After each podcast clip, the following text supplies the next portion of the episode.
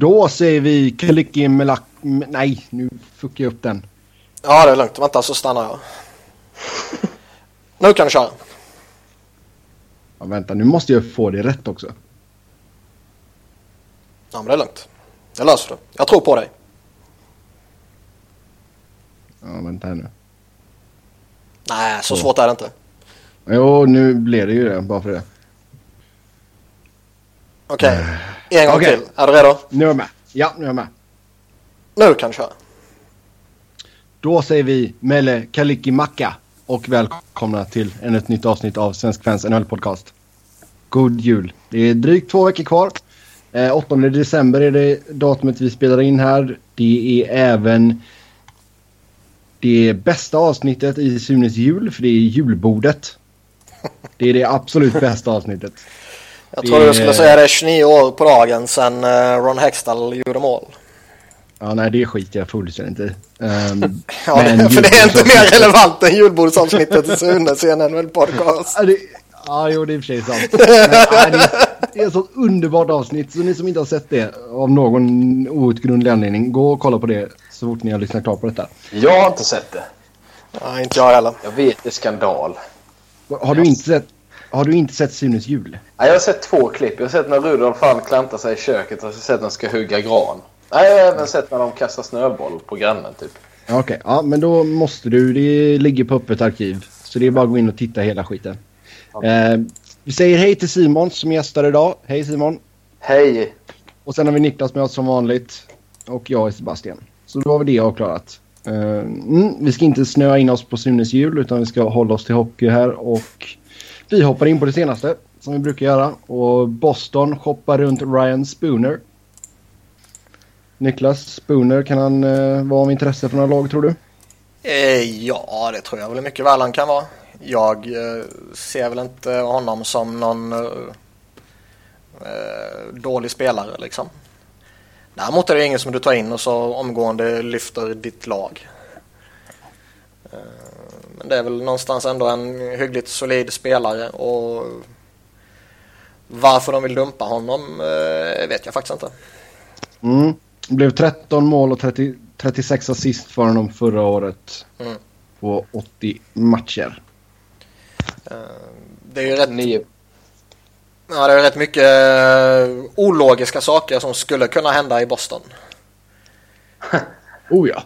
Uh, nu vet jag som sagt inte vad det här beror på. Det kan ju vara tusen anledningar och majoriteten kan vara fullt legitima. Men uh, mm.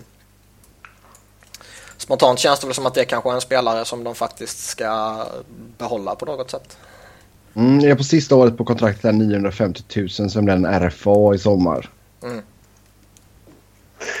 Ja, men han... Eh, gjorde han inte svin mycket poäng i AHL för något år sedan? Eller var inte han? Han har ju varit eh, point per game några år där ju. Ja, mm. precis. Då brukar det ändå lossna förr eller senare i NHL. Jag menar, han gjorde ändå nästan 50 poäng i fjol. Mm. Bara för att man har börjat dåligt kan man inte dumpa honom. Det är inte så att Boston har jättemycket unga bra forwards att tillgå. Eh, så att eh, det känns som att man kommer kunna få en rätt bra spelare för honom, det tror jag. Om man är ute efter kanske en back eller vad det nu kan vara. Det är väl mm. enda som kan kännas rimligt gissar jag. Ja. Mm. Eh, men det beror ju alltid på vad man får tillbaka såklart. Men jag tror det är nog rätt många som är sugna på honom om, om, man, om man faktiskt shoppar honom aktivt. Mm. Den enda unga forwarden som riktigt har stuckit fram det är väl Pasternak. Han är ju OK. Riktigt het. Ja, han är OK. Mm. uh, precis Bergeron har ju fortfarande däremot lite och, och kvar att bjuda på. Han var en 8 poäng på 23 matcher. Uh. Men är, är småskadad fortfarande kanske? Jag tycker det är inte så att han Jag vet faktiskt inte. Jag tycker inte han har varit så jättekast. Nu har inte jag sett Boston överdrivet mycket. Men det jag har sett så tycker jag inte han har varit kass. Utan det, det är väl... Det här kommer väl normaliseras ut på något sätt eh, över tid. Mm. Men eh, det är ju ändå anmärkningsvärt. Mm. Och han är ju någonstans känns det ändå som att han är, jag, jag, har, jag har läst och hört väldigt lite om att han har börjat så dåligt poängmässigt. Eh, någonstans känns ju han ändå som urtypen på en spelare som kan börja väldigt dåligt och som ingen kommer hänga för det. Men det är ju för att han har den här defensiva sidan också. Bäst mm. i världen på den defensiva sidan. Att oh ja, är, är utomordentligt bra där. Ja, så, så, även om han inte gör jättemycket poäng under en viss period. Ja, det är klart, skulle han landa på typ 40 poäng på en hel säsong så hade han nog fått höra det. Men, men eh, jag tror liksom han, han klarar sig ändå med de här 8 poängen på 23 matcher. Just för att han har den andra sidan också. Ja, jo, så är Och så länge Boston går bra framförallt. Alltså nu är de ju ändå med i slutspelet. Han har legat sist i Eastern. Då hade han nog hört också. Så det är nog lite de två anledningarna. Mm. Ja, och jag sitter inte här och menar att han ska hängas. Det är inte det jag vill säga. Uh, för han, uh, även om jag skulle kunna säga det om väldigt många spelare. Så, så tycker jag ändå att även om han inte gör sina... Ja, ligger på den poängskörden han har legat de senaste åren så bidrar han fortfarande med jättemycket. Mm. Edmonton försöker byta bort veteranen Matt Hendricks. Går det? Alltså han verkar ju ha, eller han verkar vara väldigt omtyckt lite överallt ju och verkar vara en uppskattad spelare och allt sånt där. Så jag kanske att det är lite för dyrt men å andra sidan pending UFA, behåll en del av lönen och eh, hiva iväg honom liksom i så fall. Men, eh, Däremot så spelmässigt så är det ju ingen superspelare som han var, eller superspelare var han aldrig, men för några år sedan kunde han ju ändå bidra med rätt mycket i en liten mindre roll. Men jag, jag, tänker bara egentligen eh, just det här med att man plockar in en spelare då för, som du säger, att han är en bra lagkamrat eller man, man gillar honom. Liksom. Men frågan är liksom, det kan jag förstå man gör under sommaren när man bygger ett lag för att ha det. Men liksom så här, plocka in det mitt under säsongen känns lite konstigt kanske att plocka in den sortens spelare då. Det görs ju uppenbarligen. Jag menar, kolla på trade deadline och sånt så är det ofta så här mm. Jared som, som blir tradad liksom. Men det känns, för mig känns det lite udda för att då kommer man, alltså, man är inte med i, i liksom lagkemin på det sättet. Du blir aldrig den här... Eh, man slängs ju in i, i det mitt i när, ja. när det börjar sätta sig liksom. Och jag, håller, jag håller ju med dig att uh, liksom varför. Men det är som du säger också, det, det sker ju mest hela tiden. Och det är ju faktiskt fortfarande någonting som värdesätts runt om i ligan. Personligen tror jag nog att det är lite överskattat. Eh, så länge inte spelaren i fråga är ett riktigt eh, svin så tror jag den delen är lite, lite överskattad. Det vet jag vet inte riktigt om jag håller med men jag skulle nog mer se, alltså jag, jag, jag har ändå svårt att köpa att man plockar in det under säsongen för att jag menar är det, är det grupperingar i en klubb eller i ett omklädningsrum där man inte kommer överens man behöver in en god gubbe. Risken är väl ändå rätt stor att han hamnar i den ena gruppen än att han sammansvärjer dem. Liksom. Ja. Det, är, det, är liksom inte en psykolog man plockar in. Som, utan det är fortfarande en hockeyspelare. Jag menar. Så är det. Så att, så att man, överskattat vet jag inte, men jag vet inte om det funkar mitt under säsongen på det sättet. Nej, det är sant. Däremot så hade jag gärna velat se en hockeyspelare som var utbildad psykolog. Ja, det var spännande. Det finns säkert någon någonstans. Det är bara att börja googla. ja, exakt. Ja, en annan veteran som kan vara på marknaden det är Johnny Oduya. Eh, Dallas överväger att köpa ut honom. Ehm, just nu är han på IR, men ehm, Sitter på utgående kontrakt, 35 år gammal. Men de har ju ett gäng bra backar, bra unga backar på, på frammarsch. Vi har ju pratat lite om det till och från tidigare att det finns ett gäng spännande namn där och de eh, aktivt så valde de ju att eh, liksom lyfta fram dem eh, denna sommaren när de tappade lite veteraner och sådär. Mm. Julius Honka-hypen är hög. Ja, exakt. Och eh, någonstans blir det väl då rätt så uppenbart att man kanske vill fortsätta med, på den vägen om då de här unga spelarna presterar och berättigar det. Och då blir ju Johnny Oroya väldigt eh, logiskt alternativ. Mm. Jag, jag, gillar ändå inte det i den situationen de är i nu. Där man liksom eh, och då har jag inte haft en bra säsong. Liksom. Nu är jag, nu är jag skadad också som ni sa. Men, men just att det känns som att Dallas behöver en målvakt först och främst. Men sen så jag tycker jag ändå man behöver backa och kanske lite stabilitet där. Uh, så jag, jag köper inte riktigt, inte det läget. Det har varit en grej man har haft två kvar på kontraktet. Som ni säger, han är ju blivande UFA. Uh, och Dallas är ändå ett lag som när alla är friska så går de ju för att vinna Stanley Cup. Mm. Så Fast, det har lite uh, Snack, snacket som går lite är ju att uh, de behöver förstärka sin forwardsida och har många namn på backsidan. För de har ju haft tunga skadeproblem på forwardsidan. Patrick Sharp har ju nya hjärnskakningsproblem och Ali Shemsky är ju skadad. Och, eh, Janmark är ju borta hur länge som helst och ingen verkar ju veta vad det är för fel på Hudler. Ja, exakt. Nej, nej och, det, och det köper jag egentligen. Men vad får du från Oduya? Du får ju ingenting för honom egentligen. Alltså, ska du, du får ju en utfyllnadsspelare. Jo, precis. Men det, det känns väl som att det, egentligen om man räknar Hudler och Hemsky Alltså, Janmark är ju borta hela säsongen, Hemsk är ju borta, men Hudler var väl någonting nu tyckte jag. Ändå att jag läste att han var på väg tillbaka. Jag kan ha fel. Jag var för mig ja, jag vet faktiskt inte. Nej, men så att det känns ju som att visst, och Sharp är borta ett tag, men när du ändå får tillbaka de gubbarna, vilket de kommer att komma tillbaka förr eller senare, och du vill slåss i ett slutspel, då hade jag ju hellre suttit med O'Döja än en, ytterligare en forward för utfyllnad liksom. Eller skicka kanske Oleksiak eller någon som du kanske ändå kan få lite, få lite utbyte för. Jo, så är det Vill man maximera sitt värde så är det inte Odoja man ska skicka. Eh, men eh, är det en back man kan undvara så tror jag nog han ändå ligger relativt högt upp. Mm. Mm. Sen eh, vidare på svenskspåret här lite. Jonas Eneroth gick inom waivers och Toronto signar Kari Rämö på Amateur Tryout. Ja, han behöver väl spela lite i, i AHL där för att komma igång. Toronto har väl i princip betalt honom rätt länge för den här rehabiliteringen om jag har förstått det rätt. Alltså han har varit skadad. Mm. Eh, så att det är väl tack och hej till Eneroth. Han har inte varit bra i Toronto heller. Eh, så att det känns väl, känns väl rimligt att man testar med Rämö. Eh, ja. ja. Uh, om inget lag plockar upp honom, vilket uh, jag ändå tycker är lite... Uh, jag tycker det är en duktig, i grunden en duktig backup. Uh, sen har han ju som Simpa sa, han har ju inte varit jättehet i, i Leafs. men om inget lag plockar upp honom, vilket man aldrig vet om det kommer ske eller inte såklart, för det är Uh,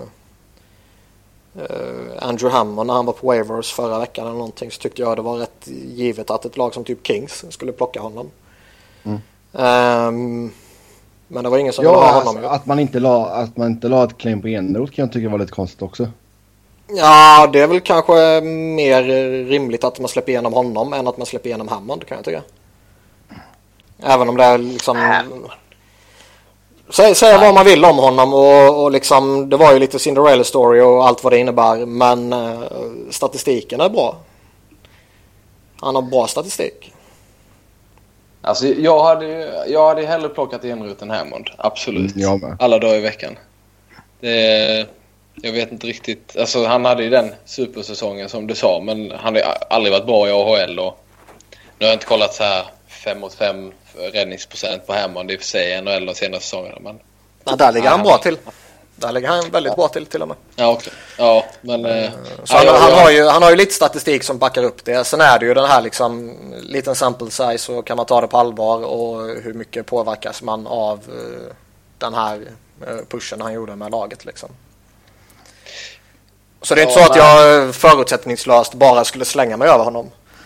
Eh, men om man just pratar Kings fall, som vi har ju inte sagt det här tidigare, men ändå så är de ju ändå i en sån sits med Quick borta att uh, man bör ju inte förlita sig på Budaj i hela tiden. Liksom. Nej, herregud, herregud. Men det är ju därför jag gärna hade sett att man hade plockat upp Enroth igen. För jag tycker mm. att han gjorde det bra de få matcherna han stod för dem. Ja, det tycker jag. Ja, jag, jag är helt inne på samma spår som Sebbe där.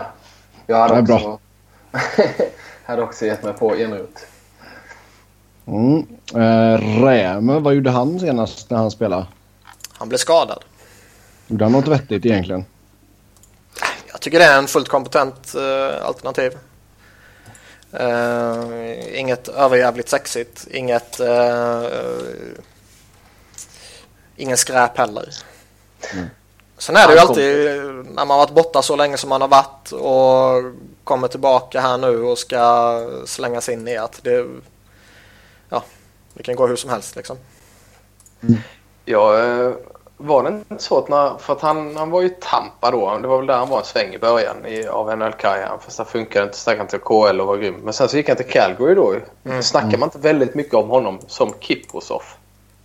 Ah, han funkade inte där utan nu ger vi honom chansen och hoppades jättemycket på honom. Sen var han liksom mellanmjölk ungefär. Mm. Minns inte. Lite halvsur. Utgå, samma dagen för utgångsdatumet på, på, på mjölken liksom. Lite, sådär. Lite åt det dåliga hållet men det, det funkade liksom. Man vill ha det men egentligen vill man ha något annat. ja, är det detta som är det så får man köra. Mm. Uh, ja. Men det är, så, det är väl alltid, alltså när du varit borta så länge och så slängs du in i att mitt under säsong och sådär. Det är klart det finns lite orosmål och frågetecken. Uh, och det var ju ingen Patrick Roy till att börja med liksom. Nej, Nej det är jäkligt sant. Ja, sen Ottawa, de vill uh, boosta sin bottom six lite. Det är trades. Uh, ja. Och... Förståeligt. Ja, det är det ju. Och det är väl också liksom om det finns spelare i ligan som är tillgängliga så är det väl i synnerhet bottom six-spelare som är tillgängliga. Mm. Så om du har någon panik så bör det inte vara några problem att lösa det. Sen är det väl alltid det här, vi vill ha en jävligt bra spelare men vi vill inte betala för att få den här jävligt bra spelaren. kan jag tänka mig. Som alltid. Ja. Mm. Uh, men just det här att uh, om man bara desperat vill förstärka, och, vilket jag ju tycker är relevant för dem, så, så borde man ju redan kunna ha gjort det egentligen. Om det bara handlar om, bara inom citationstecken, sådana spelare. Mm. Kanske ska ringa Edmonton och säga hej. Kan vi ta Matt Hendricks gratis? Ja, det finns väl sexiga alternativ i och för sig. Ja, men om de inte vill betala med det. Ja, ja. För honom borde du nu kunna få hyfsat billigt. Man kan få Van de Velde gratis också. Du kan slänga in en påse puckar också. Ja, jag kör honom från Fille till, ja. till om de vill ha honom i Ottawa eller Binghamton. Mm. det är bra. Ja, vi ska titta lite på de stora värmningarna är... i somras. Ja. En sak som jag glömde, men vill vi mm. dra någonting kring uh, Filip Larsen? Ja, det kan vi väl göra. Ja, vi kan nämna honom. Ja, då har vi nämnt honom. Då går vi vidare. Rögle ihop. Vad sa du? Vi spelade ju ihop i Rögle. Ja, det vet jag. Han snodde mm. mitt nummer, rövhålet. Vilken smutsig danskjävel. Mm. Ja. Han åkte på en eh, riktig kalastackling av eh, Taylor Hall och fick eh, åka ut på bår. Och vad är det senaste om hans eh, condition här nu Niklas? Han har lämnat sjukhuset och det verkar väl vara OK och han uh, fyller år. Grattis. ja. Igår fyllde han år. Ja, igår var det kanske. Um, grejen är att jag, jag tycker väl tacklingen, det är ju inte tacklingen jag reagerar på. Utan ibland kan ju en tackling som antingen är 100% schysst eller som är precis lite på gränsen men ändå på rätt sida gränsen. Eh, det behöver inte nödvändigtvis vara något fel på en tackling för att utgången ska vara jävligt tråkig. Men det, det man reagerar över här är ju den enorma grottmänniskomentaliteten som eh, lagkamrater i synnerhet men även motståndare visar när de ser att en spelare ligger typ död på isen. Mm. För han var ju verkligen helt utslagen och han ligger där. Och det första de tänker på är att nu ska vi ställa till med så mycket skit vi bara kan precis där han ligger. Och då har ju någon han spelare på ett som... par smällar i huvudet där va? Ja, någon spelare, han lagkamrat som liksom stöter till honom med skridskor när han åker dit för att börja bråka mm. och någon annan som stöter till honom när det, när det är kaos. Liksom. kommer hoppar in i situationen och landar liksom precis bredvid med skridskorna också. Det är liksom... Ja, det är ju bara tur att det inte är någon som stampar med skenan på, över halsen på honom typ. Det har jag tänkt på ett Kommer ni ihåg den tacklingen som Kronvall satte på Martin Hablat för en massa år sedan i slutspelet? Mm. Klart ni minns det. Ja. Där också, där slåss de ju på Hablat när han bara ligger där. Mm. bara, vad, vad sysslar ni med? Alltså, låt säga att han bara har en hjärnskakning, då är det inte så bra att ligga under. Men tänk om nacken är skadad, det kan ju vara vad som helst liksom. Ja. Så man... Alltså jag fattar, så extremt tydligt att det verkligen är grottmänniskomentaliteten som tar över. Och man verkar glömma allting. Men sen, och, om, man ska vara, om jag ska vara lite djävulens advokat så, där, så kan jag på något sätt förstå att man tänder till precis när det händer. För att det första instinkten är ändå att man blir arg kanske. Jo, men det skulle, jag, skulle jag spelat skulle jag gjort samma sak själv. Liksom. Men man tycker ju ändå att du står ju inte precis jämte situationen och bara vänder dig om och ger honom på käften. Nej. Utan du åker ändå en bra bit och du borde ju se att din lagkamrat ligger liksom helt jävla utslagen. Precis, och jag tänker kanske det jag tänkte säga var att första spelaren kan jag förstå att den blir arg och kör fram liksom. Men de tredje, fjärde gubben som kommer dit ser ju lång väg att han ligger där. Precis i gruppen. De första kanske inte riktigt uppfattade för det går snabbt i hela den biten. Men gubbe tre och fyra och alla de, vad sysslar de med liksom? Nej, det är jättemärkligt. Och verkligen förkastligt. Ja. Men det, och det är konstigt att det aldrig kommit upp innan. Kan jag känna också. För jag mm. menar, det, det, är inte första gången det händer men man snackar aldrig om det egentligen. Mm. Fast det här var väl extremt tydligt känns det som. Jo, så var det väl. Så var det. Mm. Uh, men som sagt, han är, fick i alla fall lämna sjukhuset så det är ju bra det i alla fall. Mm. Mm. Och sen Kronwalls tackling på Havlat Jag tittade om den nu faktiskt. Jäklar. Men visst är det bara fullt slagsmål uppe på Ja, ja, ja visst. Han eh, ramlar ju på honom efteråt. Det är ju som eh, Bertuzzi Moore också. När, de, eh, när det sker och de slänger sig en enorm sån här tv-puckshög över honom. Ja. Och eh, man liksom, vad fan. Och den ja, kanske kan ursäktas med att de inte riktigt fattar allvarligt det var. Alltså, nej, nej, men ändå liksom. Var, var, varför slänger man sig i en hög för? mm. Gött. Bögget. ja. Mm. Eh, då ska vi ta och titta tillbaka på eh, några av sommarens största värvningar. Vi kollar lite UFA så vi kollar och även några tradesen då. Ska vi se vad de har gjort här så här drygt två månader in på säsongen. Och Edmonton spände ju musklerna när man plockade in Milan Lucic. Och eh, hur tycker vi det har gått för Milan? Så här långt. Milan. Milan. Man kan, det, det första jag reagerar på är att han bara har 18 utvisningsminuter. Och typ fem av dem drog han ju första matchen där. Slagsmålet. Det är, ju inte okej. Okay. He's gone soft. Ja, men, det är ju, som fantasy spelar han ju besvikelse på så sätt. Men sen så har han gjort... Han, han har väl varit helt okej bredvid... Han har inte bara spelat med McDavid. Han har inte spelat så mycket med honom på sistone alls va? Eller har han börjat spela med honom igen? Han har väl skött sig helt okej. Okay. Sen så är det ju kontraktet är ju väldigt stort och väldigt långt. Men eh, det är ju vad det är. Man kan, man kan inte alltid jämföra med pengarna och kontraktet heller. Och bara rent prestationsmässigt har han väl ändå presterat ungefär som förväntat. Alltså kortsiktigt var det väl få uh, frågetecken kring Milan Lucic egentligen? Nej, nej visst. Uh, de närmsta åren bör ju han vara uh, väldigt nyttig för dem. Långsiktigt är det ju ett relevant problem. Men uh, å andra sidan så är ju också Edmonton i ett läge där de faktiskt är mer eller mindre desperata att uh, bygga och etablera sig. Ja, få någon form av framgång.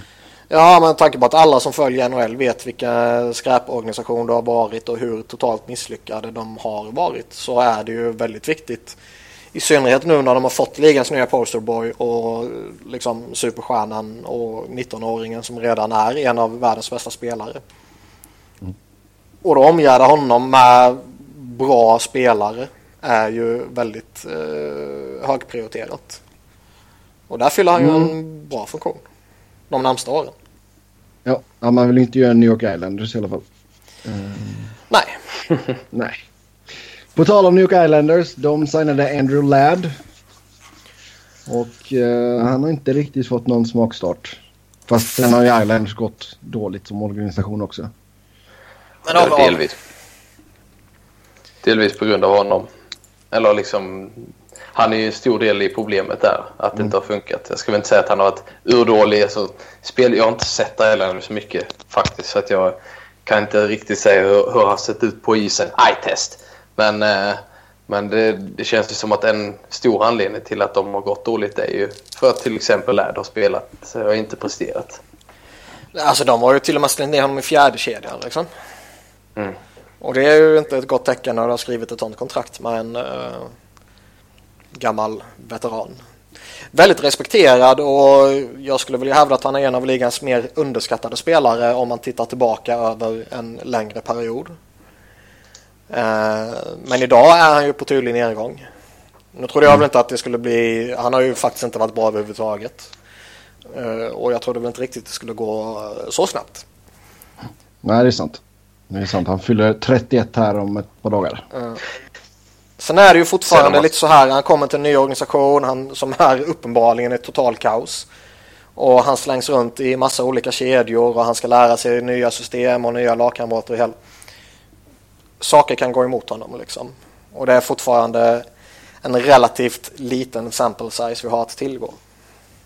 Mm.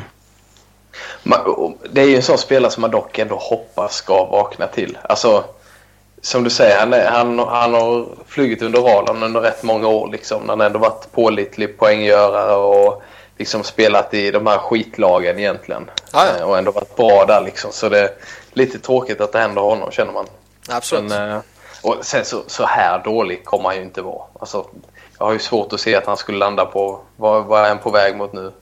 Liksom typ 20 poäng. Han lär ju mm. göra. Jag menar, gör han 40-45 poäng, då är ju ändå... Det är en bra dålig säsong. Ja. ja, men precis. Och plus att avslutningen på säsongen kommer vara on pace för vanlig poängsnitt liksom. Så att om man bortser från de här första 25 matcherna och om man gör, om man gör 30 poäng till liksom, då, då är det väl på något sätt okej. Okay. Precis okej. Okay. mm. mm. Sen har vi Dale Wise i uh, Philly. Uh, ja, personligen anser jag väl att han vare sig har varit uh, bra eller dålig. Han har varit den här mellanmjölken som Simpa vill ha, men ändå inte vill ha. um, han, han, han, vad ska man säga, han har ju varit en besvikelse så tillvida att när man signade honom så var det ju med förhoppningen att han ska kunna kliva upp lite i hierarkin under eh, ja, någon blir skadad eller någon blir eh, eh, avstängd eller sådana saker. Mm. Under en kortare period ska han kunna kliva upp lite och det har ju inte alls funkat ju. Däremot har han varit en solid uh, spelare för Bottom Six i uh, liksom, uh, ja, vad ska man säga, det vanliga spelet. Och han har varit rätt, alltså possession, hans possession stats är bra liksom. Men det känns ändå som att det är någonstans, någonstans hade man förväntat sig lite mer. Sen, kanske, sen är väl det mm. förmodligen då knutet till kontraktet han fick också. Jo, det är klart. Eh, men jag kan inte säga att jag är missnöjd med honom. Men jag kan ju inte heller säga att uh, jag sitter och myser över honom. Liksom. Mm. Alltså jag, kan ju, jag gillar skärmen när uh, spelare går till så udda klubbar och sådär under lockouten. Vad fan är det för udda med flyers? Så, nej, nej, nej. Under lockouten där 12-13 så gick han till Tilburg Trappers i Holland. Mm. Där han pumpade in 48 poäng på 19 matcher. Det, sånt gillar jag. Dutch Gretzky. Ja, det är riktigt, riktigt fint. Mm. Um, vidare går vi. Frans Nilsen sen är det långt och dyrt med Detroit. Uh, skulle vara någon form av ersättare till uh, uh, Pavel Datsuk som gick tillbaka till Ryssland. Alltså, alltså inte jag... poängmässigt sett men liksom, att man fick in någon vettig center i alla fall. Um, sex mål och nio assist har det blivit på 27 matcher så här långt. Man får väl ungefär vad de flesta förväntar sig förutom Detroit som trodde att han skulle göra mer kanske. Eh, po poängskörden har väl inte varit riktigt så men det känns ju som Detroit är inte supervass har haft lite skador och sådär också. Så att, han, han, okay. riktig, han, varit, han hade väl en jäkligt bra säsong. När var det? 13-14. Ja, 25. Gjorde han 25 baljor liksom. Men jag menar, det är aldrig ja. en jäkla målmaskin liksom. Nej, men, men som sagt det är väl lite ungefär som man har förväntat sig. Men jag, jag tror att med tanke på kontrakt han fick och så så hade väl Detroit hoppats att han skulle kliva fram. Men så å andra sidan så är han ju 32 så varför skulle han göra sitt livssäsong nu? Den borde han mm. redan ha gjort. Ja, eh, men jag tror ändå liksom under omständigheterna att man hoppades på det. Eh, men det har jag inte gjort. Men det, jag vet inte riktigt om, man, om det är någonting man kan beskylla honom för eller om det bara är helt enkelt att han är inte bättre än så här och Detroit är inte bättre. De, de kan inte göra honom bättre än så här heller. Så att, Jag, tror, jag tror det är det sista som är den stora problematiken. Att laget helt enkelt inte är tillräckligt bra. Uh, släng in Frans Nielsen i en uh, utomordentligt bra omgivning så kommer han prestera väldigt god hockey fortfarande tror jag. Mm. Men uh, omgivningen i Detroit, i synnerhet en backbesättning till exempel, är ju suspekt. Ja, herregud. Sen, däremot, mm. däremot anser jag väl personligen som Simpa inne på också att han har väl gjort lite vad man kan förvänta sig av honom. Mm. I Detroit liksom. Yep. Sen har vi David Backes som signade med Boston. Eh, på ett sätt så tycker jag ju att Backes i Boston är så eh, tok-självklart och tokgivet. Eh, om man bara tittar på spelare och spelartyp och vilket eh, lag och vilken historik och bla bla bla. Eh, å andra sidan så är det ju lite dyrt och lite långt för en lite åldrande skadedrabbad eh, veteran med en liten slitsam spelstil. Men mm. jag tycker väl inte heller att han har varit eh, dålig. Nej, alltså återigen, det, det, är alltid, ska man se det till kontraktet han fick eller ska man se vad han har presterat? Det är lite så, man är inte jätteförvånad att han ligger där. Alltså, var snittat strax över en halv poäng per match eller något sånt. Mm. Och, eh, och det är väl ungefär vad man kan förvänta sig. Sådär 40-50 poäng på en säsong liksom. Ja. Eh, men sen som du då är inne på, ska man jämföra med kontraktet så är det för dyrt. Liksom. Och framförallt det med att han blir äldre och ännu mer skadad och sämre. Liksom. Men, men man kan inte alltid se, bara se det på det sättet heller. Utan han har nu förvänt, presterat ungefär som de flesta har förväntat sig hittills i år i alla fall. Sen så kontraktet får man, eh, får man ta tag i sen när det börjar bli ett riktigt problem. Liksom. Den mm. dagen är sorgen. Lite så. Han ligger hyfsat on pace för uh, vad han presterade förra säsongen i alla fall. Ja, och det får ju ses som klart och... godkänt. Ja. Mm. Vancouver trodde att de hade fått in en frälsare när man plockade in eh, Louis Eriksson som skulle spela med Sedinarna. Långt och dyrt kontrakt. Hittills har det blivit sex mål och fem assist på 26 matcher. Ja, de hade väl förväntat sig lite mer än det, tror jag. Det tror jag absolut också. Där kan vi snacka om någon som inte har presterat som, som förväntat. Uh. Även, om, även om det från utomstående kanske inte känns jätteöverraskande heller. Just med tanke på Vancouver i helhet. Eh, så, så hade de ju som du var inne på, sett honom som att han skulle gå in och göra 35 baljor och skjuta något mm. slutspel. Nu har han ju, han har ju, han har inte spelat överjävligt mycket med tvillingarna. Nej. Uh, skulle han gjort det så skulle väl rimligtvis poängskörden varit lite högre. Förutsätter man. Ja, men samtidigt så har han ju förlorat den platsen bredvid dem. Känns det som. Absolut, mm. absolut. Jag, jag säger inte att menar... han, har, han har varit bra. Men uh, skulle de behållit honom där så tror jag att han skulle haft uh, mer poäng. Men det, det, känns ju lite som att det var ett sånt klassiskt. Jag spelar sista året på kontraktet och så sån kalassäsong med 30 mål och 33 assist. Ja, det mm. vare sig första eller sista gången vi ser det. Nej.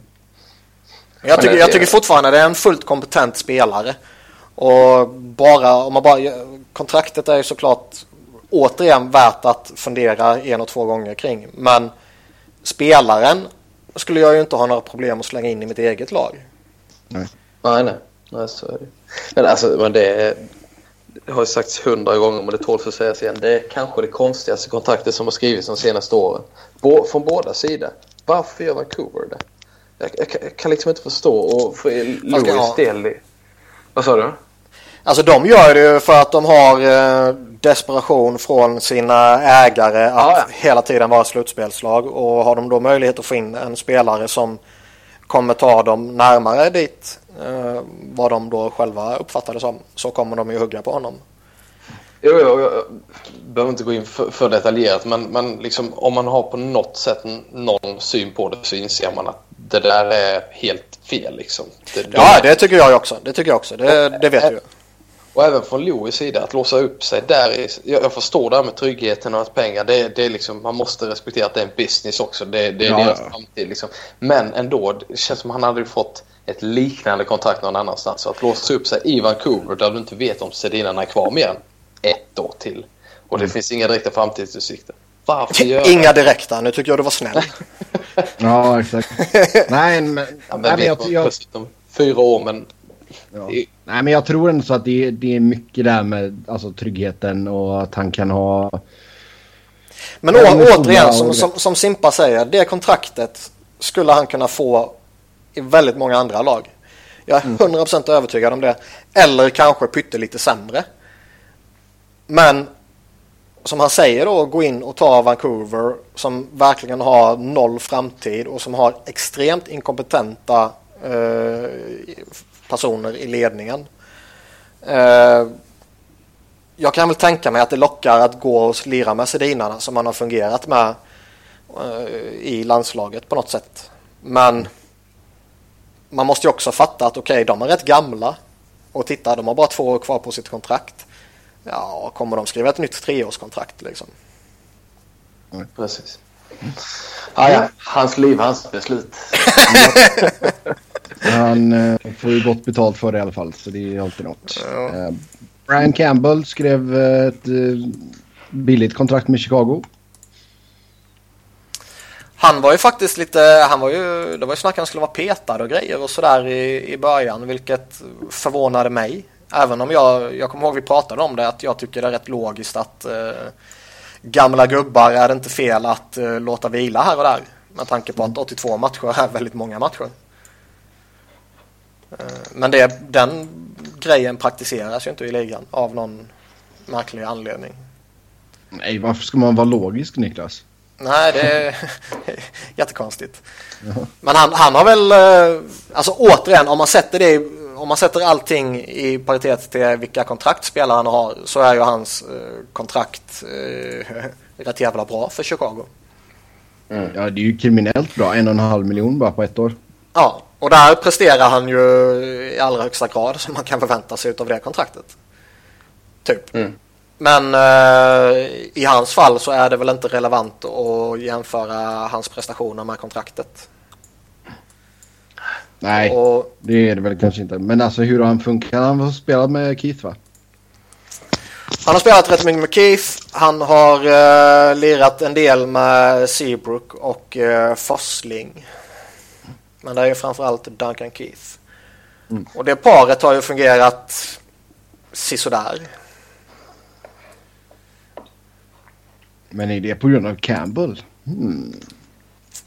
Det kan ju finnas uh, många anledningar. Jag uh, vet faktiskt inte. Men det är ju lite förvånande att Campbell, uh, med tanke på att han, vad jag tycker, har varit väldigt duktig i Florida.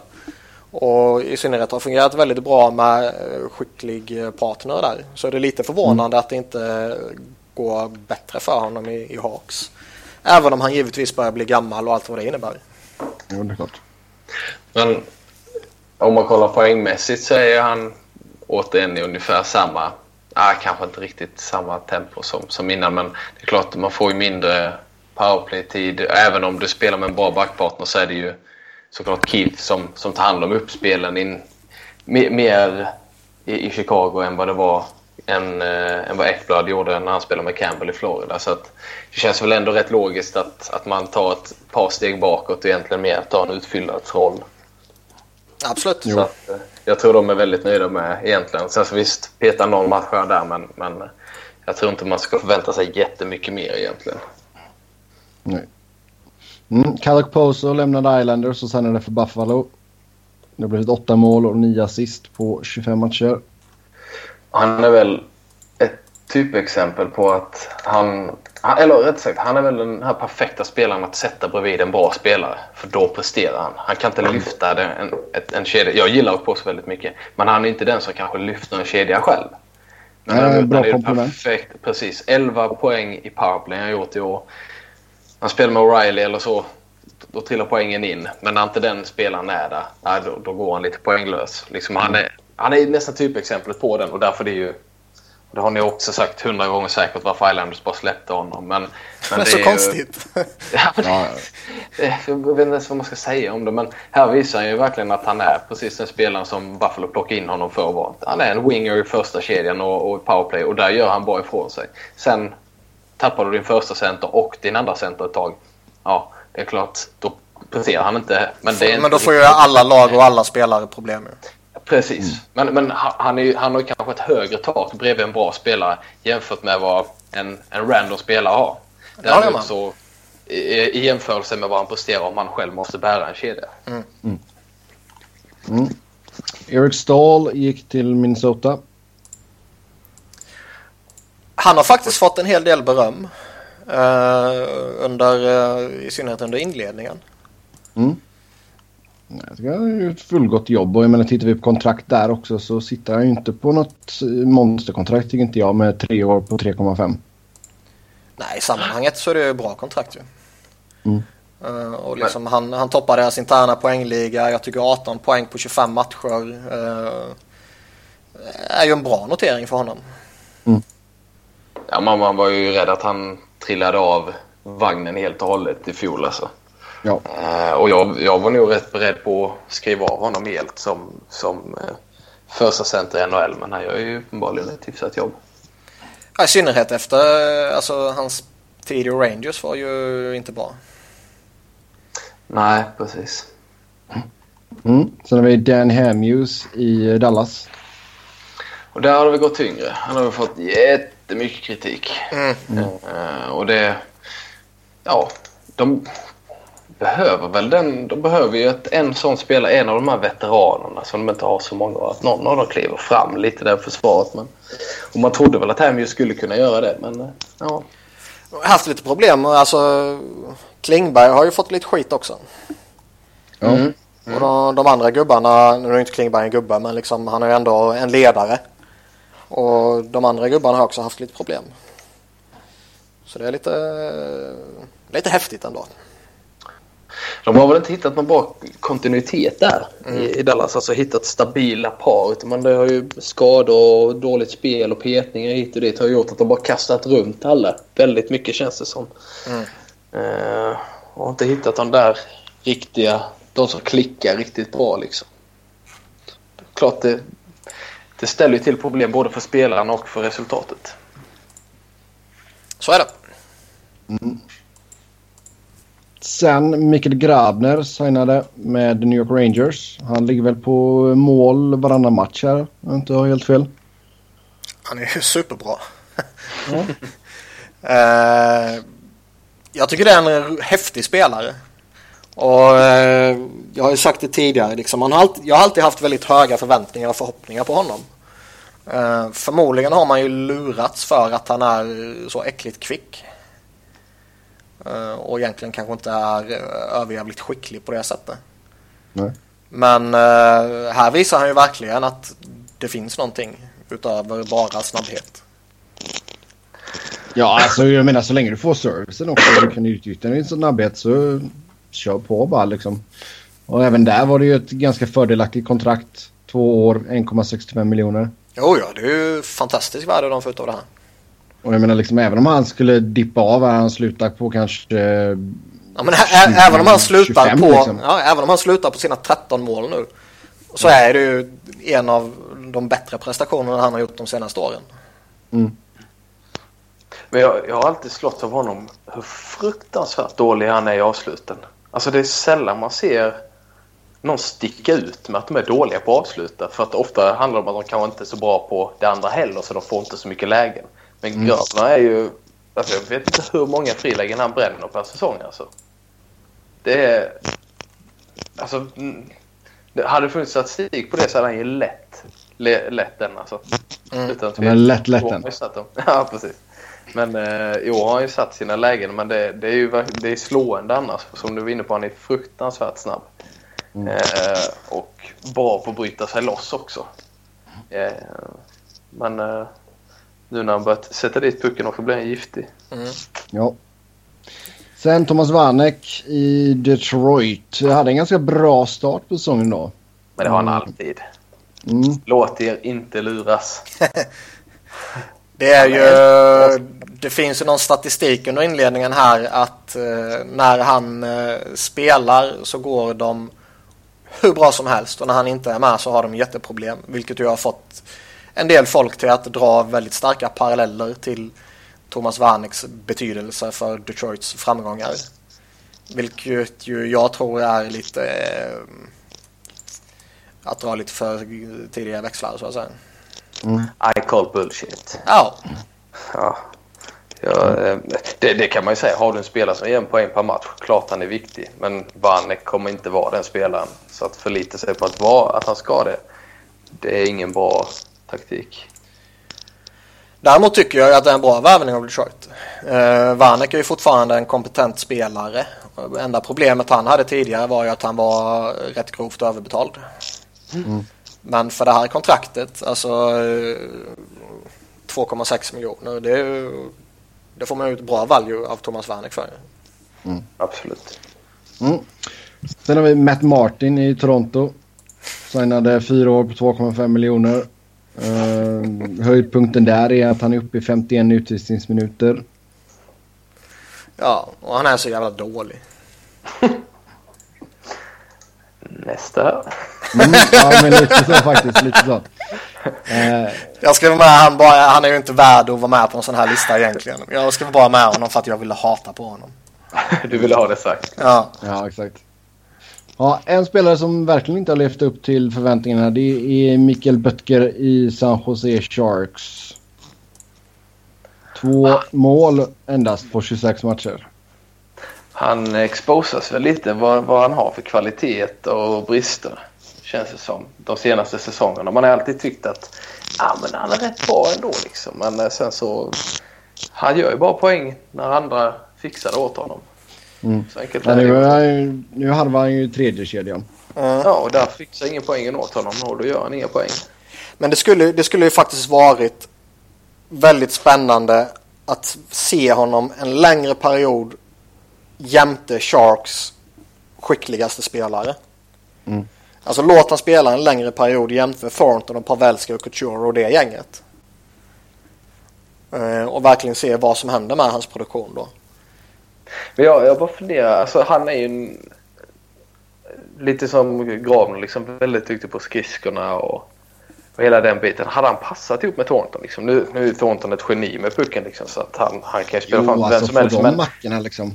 Jo precis men jag tänker just att Grabner är ändå Thornton är ju duktig med pucken framförallt i offensiv zon. Liksom. Mm. Det är där hans, hans största. Det är inte så att han, att han är känd för att slå spela fri någon hela tiden de lägena är ju mer, det är mer bara händer under spelets gång. Det är ju i zon och jag vet inte riktigt. Det, jag hade nu hellre satt, satt honom bredvid Couture.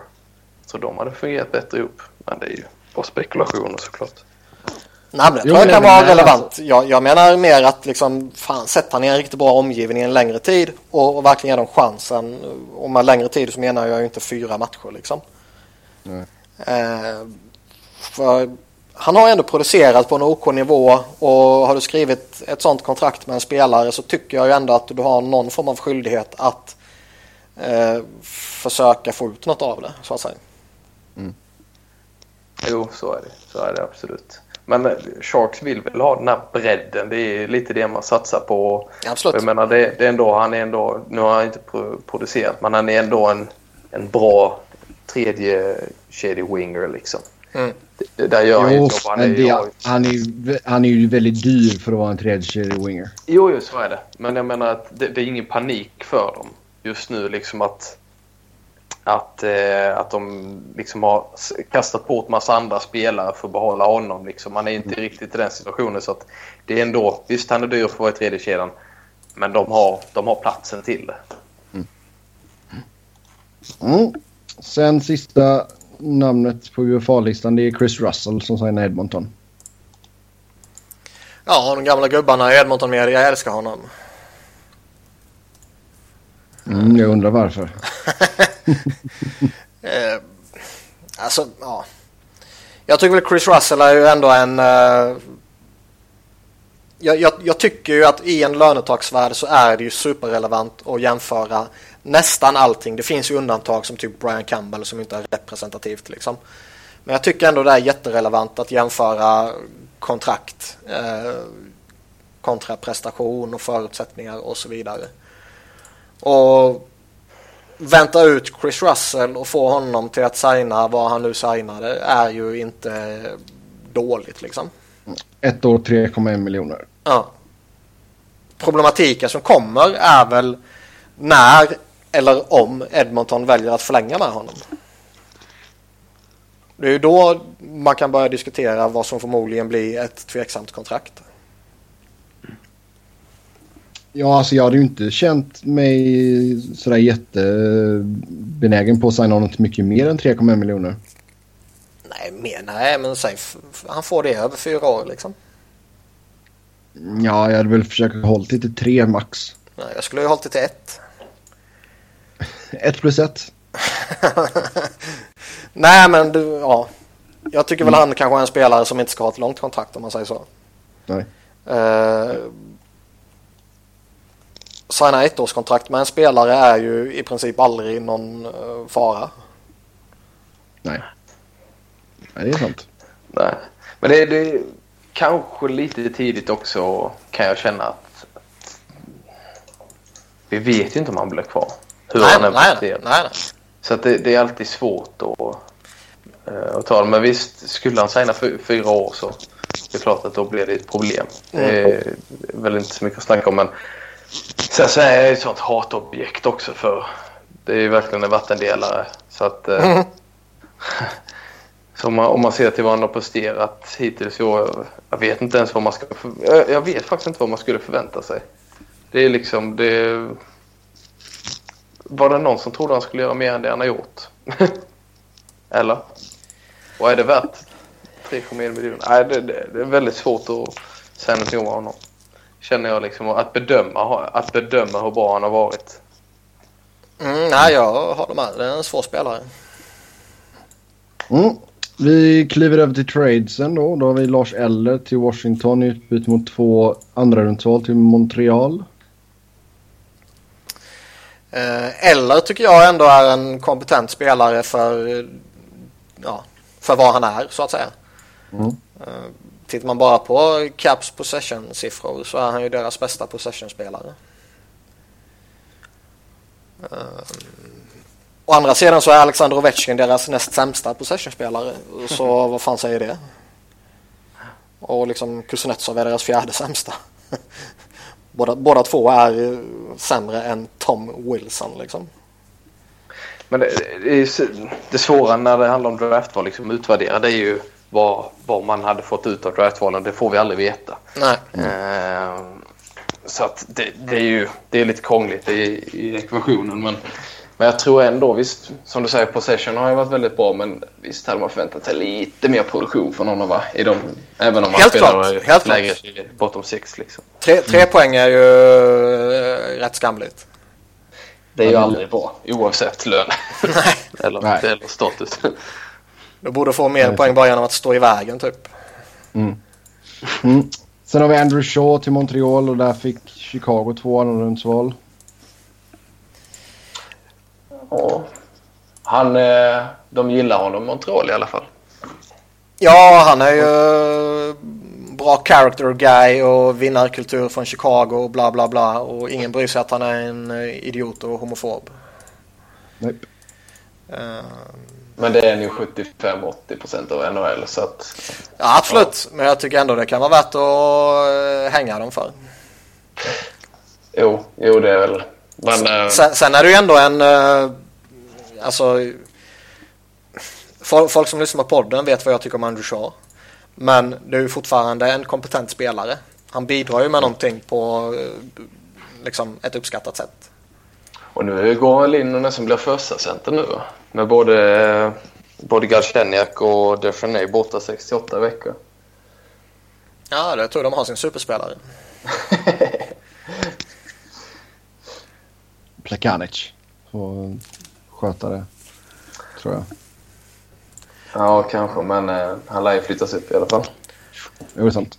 Brian Elliott gick till Calgary och St. Louis fick ett andra rundsval och ett tredje rundsval. Ryan Elliott som vi har pratat om många gånger förut som en man med höga toppar och väldigt, väldigt, väldigt, väldigt, väldigt djupa dalar. Ja, ser man till inledningen här så har den väl varit eh, sisådär. Han har varit skit. Du vet att jag är känd för att vara så snäll. Så jag... Eh, sisådär.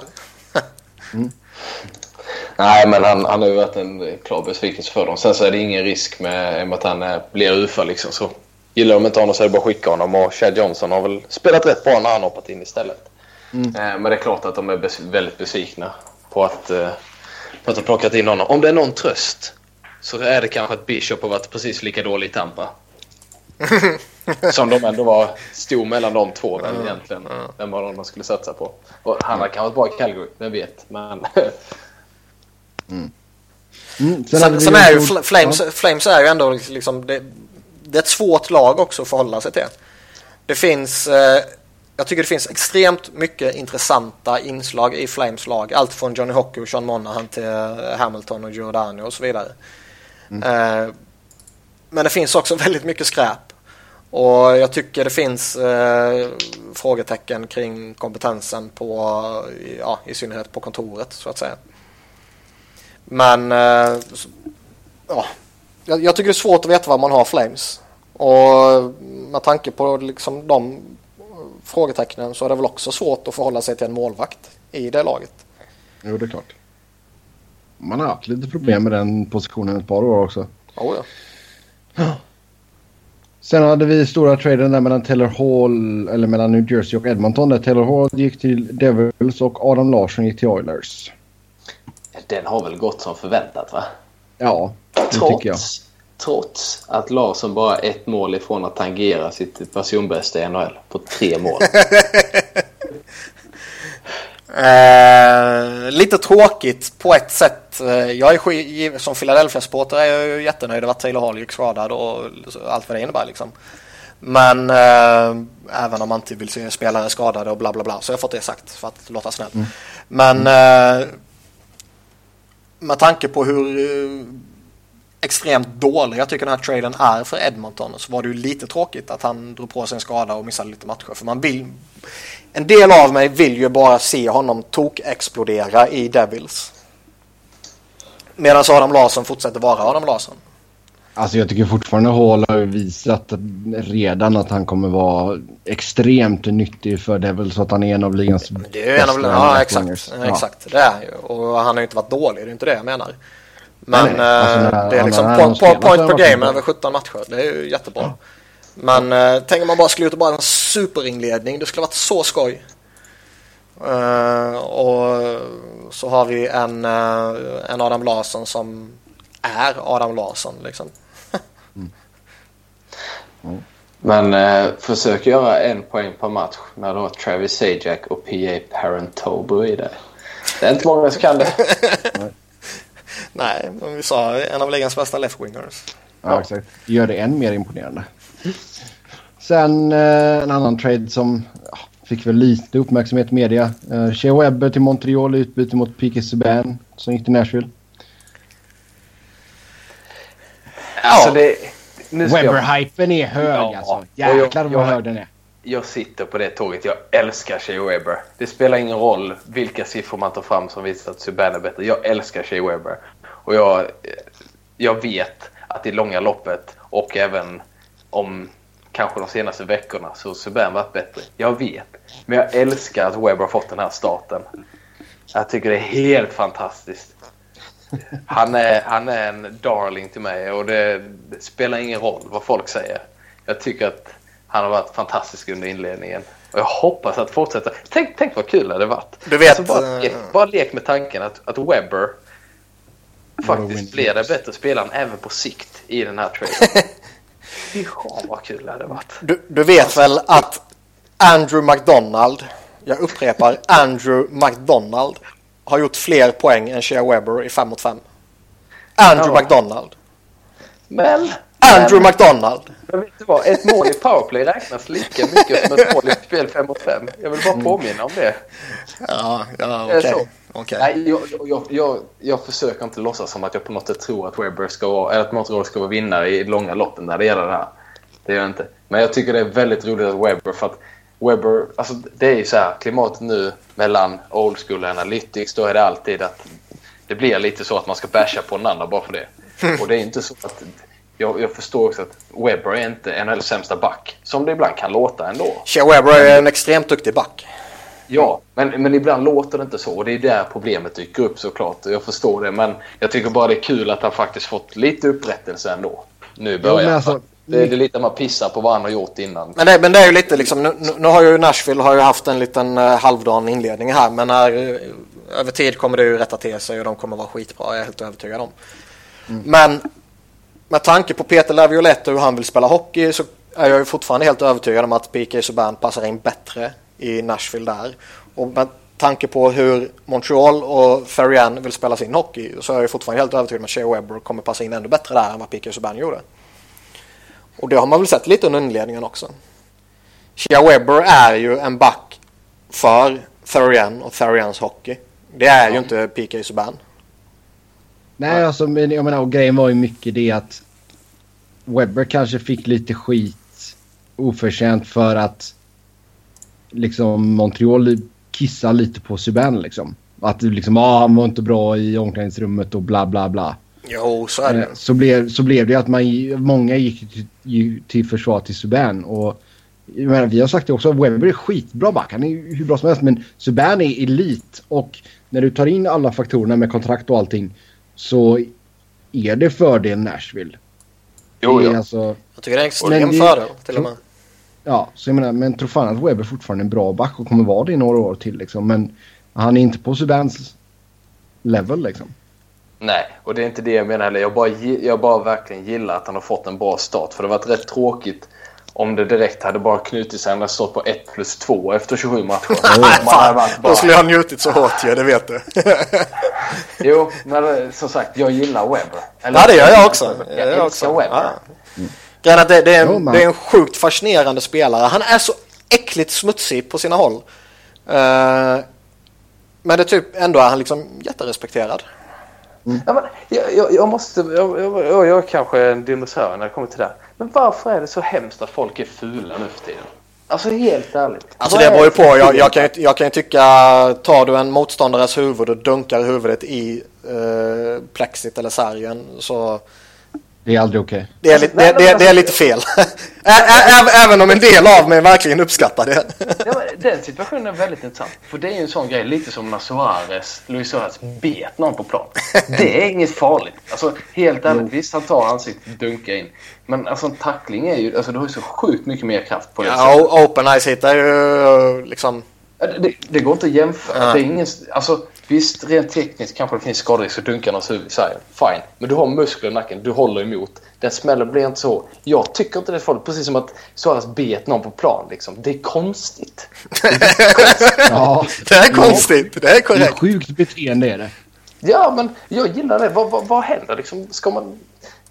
Jag- vet, jag framstår som en säger, men ska man inte få göra någonting? Liksom? Vad, vad är det som är så farligt med att någon spelar fult? Det är en grej när du går över gränsen och spelar farligt.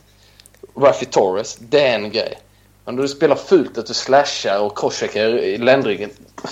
Det är jag tycker det är en del av spelet. Jag vill inte bara ha små killar som är snabba och tekniska. Ja, nej, det är ju en, vad heter det, relevant diskussion liksom. Uh, Men Simon, då, äl då älskade du uh, Vinnie Jones pungnyp på Gascoigne också. Det gjorde väl alla. För, förutom Gascoigne kanske. Men eh, e- en lite intressant reflektion är ju i alla fall att de använde ju P.K. Subban i en eh, relativt framskjuten offensiv roll förra året. Eh, Medan de använder Shea Webber i en eh, mer defensiv roll. Och nå, nå, någonstans är ju Shea Webber som jag var inne på tidigare. Han är ju byggd för Montreal på ett annat sätt än vad Pickers Subban var.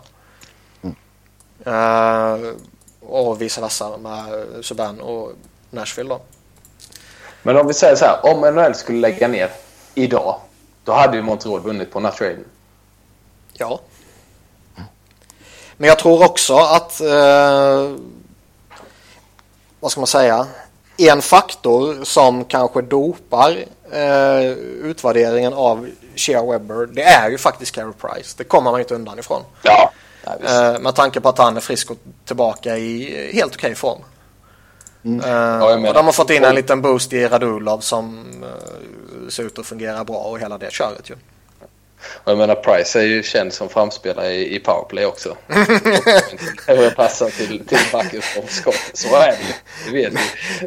Med tanke på vilket jävla bössa han har så behöver inte han någon playmaker av... Alltså jag kan ju stå och ge han pucken så kommer han göra hur många mål som helst. Han, han, han Price lägger ut pucken i egna teckningscirkeln och Webber står och läser slagskott.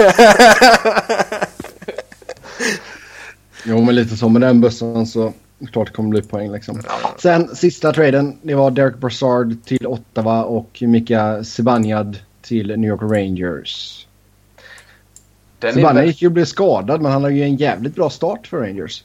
Och den är väldigt intressant. Man förstod att Rangers skulle vinna den på denna på sikt. Eller i alla fall det kändes på, på förhand. Zibanejad är yngre och nästan lika bra idag. Men mm. Zibanejad har ju faktiskt varit bättre i år än vad Brassard har varit. Eller? Jag tycker det. Och att redan i år skulle ske det skiftet. Det är jag lite överraskad över. Mm. Ja, alltså jag, jag, jag har för mig jag sa någonting när de, jag tyckte det var fel trade har jag för mig. Uh, förmodligen tyckte jag det. Men att jag någonstans kunde se dem göra det för att de anser att Brassard i dagsläget är den bättre spelaren och vi vet att Ottawa är i ett läge där de desperat behöver ta sig till slutspel av typ ekonomiska faktorer. Eh, och att det här då skulle hjälpa dem. Och Brassard har ju faktiskt varit jätteduktig för Rangers. Kan jag säga nu när han inte är i Rangers längre. Alltså du kan erkänna det nu? Ja, ja. Ja. Mm, då tar vi en uh, kort liten paus och så är vi tillbaka med lyssnarfrågorna efter det. Alltså? Menar du att jag måste pausa inspelningen alternativt eh, sätta samman två filer och massa sådana här saker? Eller ska vi bara köra vidare utan dig? Pausa bara. Nej, vi kör vidare utan dig. Nej. Jo. Nej. Vänta nu. Lä, lä, läs äh, nästa fråga så börjar vi prata. Ja, men jag vill ju vara med på den här. Ja, då hoppar du in sen. Okej då. Fan, skitsamma. Ingen paus. Igen, Ingen paus. Vi okay. kör bara. Vi kör bara. Då lyssnarfrågor som vanligt. Tack för att ni har skrivit in till oss. Det uppskattar vi alltid. Uh, Okej, okay. första här då. Då ni varje avsnitt rantar på vad ni kallar old school hockey så har jag några frågor som ni gärna får gå igenom. Varje avsnitt? Okej. Okay. Ja. ja, men det gör vi. det är väl mest du och uh, lille killen. Ja. Vad baserar ni era åsikter på till att börja med? Nu får du ta, tala för Robin också. För jag har ju tydligt gått emot det här. Mm. Alltså grejen är att någonstans till att börja med så måste man någonstans, jag, jag tycker det finns två faktorer i old school hockey. Eh, dels finns det ju eh, det faktiska spelet på isen om man säger så. Mm. Och dels finns det ju tänket eh, hos de gamla dinosaurierna som det ju nästan alltid är. Uh, spelet på isen är ju lite det här som, där är ju Simpa old school. åt helvete med coursing, åt helvete med possession, åt helvete med... Nej, nej. nej jag, jag bara skojar. Men, men det, det, det, är ju den delen att antingen värderar man blockade skott och så vidare väldigt högt och anser att en spelare som tacklar hårt är viktig en spelare som har hög eh, possession stats är kanske inte lika viktig för vi behöver den här spelartypen. Bla bla bla. Eh, den andra delen är väl mer ett resonemang kring uh, oftast blir det väl GMs men också coacher. Och det är klart hur, hur de tänker och resonerar kan ju givetvis flyttas över till de faktiska prestationerna på isen och bla bla bla. Men någonstans tycker jag ändå att ligan är fortfarande så pass gammalmodig på isen att man måste acceptera och leva med uh, att den här gamla mentaliteten finns kvar på isen. Hockey är fortfarande en väldigt, eh, vad ska man säga, konservativ idrott liksom. Så tillvida att man fortfarande spelar som man gjorde för en evighet sedan. Eh, men jag tycker liksom, och det, jag har väl egentligen inga problem att liksom spelare agerar på det sättet. För någonstans är det väl också att man fortsätter agera på ett sätt som har gjort dig framgångsrikt och tagit dig till NHL och etablerat dig i NHL och gett dig massa miljoner. Mm. Det jag snarare vill ranta på det är ju de som sitter och bestämmer och som helt och hållet ignorerar eh, eller kanske inte helt och hållet men till stor del ignorerar alltså den nya statistiken och det nya sättet och den moderna hockeyn. Att eh, att man väljer att helt bortse från betydelsen av puckinnehav. Eller att man väljer att uh, idiotförklara folk som uh, använder den eller verkligen, alltså, verkligen trycka ner dem i källaren som man anser att de kommer ifrån. Mm. Uh, Nej, alltså jag tycker det ska ju vara ett komplement. Alltså, man ska ju titta på helhetsgrejen. Men alltså det som jag kan störa mig på ibland med de här dinosaurierna då. Och det har vi ju pratat om förr också. Det är att man tar in en liksom sleten veteran bara för att det är ett namn istället för att ge en ung förmåga chansen. Nej, men liksom man, det är ju en man, sån grej som jag verkligen kan störa mig på som fasen. Ja, att man, man, att man värderar saker som inte är mätbara tycker jag också är lite ologiskt. Hjärta och grit. Nej, ja, och liksom intangibles och bla bla bla. Uh, men, för, men, det, för det, det, det, är klart att sådana saker är ju relevanta liksom. Men att offra skills för grit tycker jag ju ger dig ett sämre lag om man pratar i mm. generella termer. Sen finns det givetvis utomordentligt duktiga undantag. Alltså grejen är att om jag bara får flika in i den. Jag, jag köper helt... Eh, ja, ja, men nu, det var ju det här varför ni räntar på det liksom. Ja, men du får ju, du får ju också ränta. Nej, men det, det jag känner, det är att grejen med att... Det, det, är klart jag tycker det är kul med snygga finter och, och allt det där och jag, jag, jag förnekar inte på något sätt betydelsen av analytics och, eller vad man nu ska kalla det. Det är lite så här metadiskussion om vad man egentligen ska kalla det nu. Men mm. bara för att... det är så tramsigt bara kalla det. Ja, men det var, ja. Jag minns inte vem det var eller om det var en anonym eh, executive i NHL liksom, som hade något citat då liksom att eh, om man bara skulle kalla det skott på mål så skulle spelarna bry sig om det. Aha. Ja, precis. Skott, exakt, skott mot mål. Nej, men, men det, det, det jag skulle säga var att, um, var att Eh, jag, jag förnekar liksom inte det. Utan jag, jag förstår verkligen att det, det, är viktigt och hela den grejen också. Och, och hur stor betydelse det har. Det, grejen är att jag tror lika lite som man helt ska bortse från det ska man bara förlita sig på det. Och framförallt så känner jag att det, det, det, är roligt till en viss del med, som jag var inne på, de här snabba spelarna som är tekniska och sånt. Men jag personligen gillar när det blir gruff efter en avblåsning. Nu är det nästan så här, ah, vad ska de göra det för? Fy vad tramsigt. Man får höra de grejerna när någon blir förbannad framför mål eller får slashing. Alltså hockey är känslor. Alltså att plocka bort det och bara gå på att, att folk ska finta hela tiden och det är bara den delen. Och jag förstår också att possessions handlar inte om hur mycket du fintar. Det är absolut inte så. Men det, det är lite...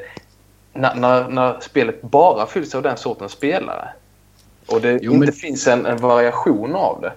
Det kan jag störa mig på. Och det är lite som vi ser i Florida nu till exempel. Vi ska inte gå in på dem för djupt. Men det är väldigt mycket sådana. Och det kan säkert ge utslag eller eh, spela ut skitbra eh, under en hel säsong. Det, det, jag tror absolut de är ett bättre lag i år än vad de var i fjol. Men grejen är att jag tycker inte det är så roligt att titta på. Alltså det, det händer liksom ingenting. Och framförallt de här det är oundvikligt att de här matcherna i november, december, januari, det här serielunken, att de blir tråkiga för att spelarna inte är lika taggade. Det, det är helt naturligt. Mm. Men att se en, en spelare som...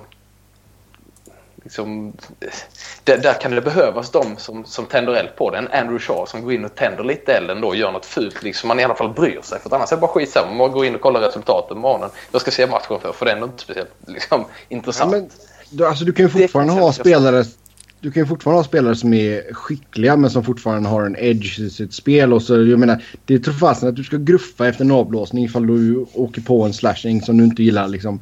Det är det som inte tar bort ur spelet, absolut inte. Och jag tycker ändå så att det finns vissa av de skickliga spelarna som fortfarande kan bli rosenrasande ifall det händer någonting. Grejen ja, jag håller med. Jag, jag, jag tycker ju... Då att han ska inte fightas. Conor McDavid ska inte gå in och fightas. För att han är Alla ska fightas. Ja, nej, men då menar jag inte kasta handskarna och slåss. Men det är liksom just att nej, men han ska inte göra det, han är stjärna. Stjärnorna ska inte... Nej, men okej, men då, då skiter vi i det. Alltså det, det beror ju på, det beror på lite. Uh, jag har väl egentligen ingenting så emot att... Uh, ja, ta Wayne Simmons liksom. Jag har egentligen ingenting emot att han fightas. Beroende på vem det är han fightas mot.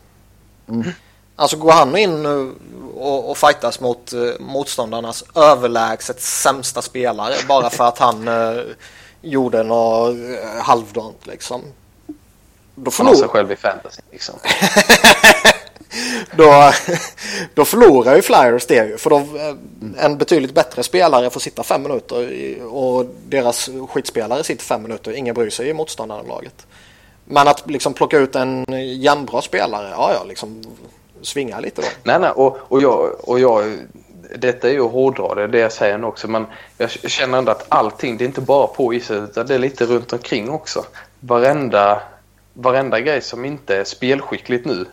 Alltså, och det är väl lite för att man, man diskuterar mycket på Twitter och där är, där är ju dinosaurierna de som är i mindre antal, i alla fall bland de jag följer. Ja. Där liksom att då är det är liksom...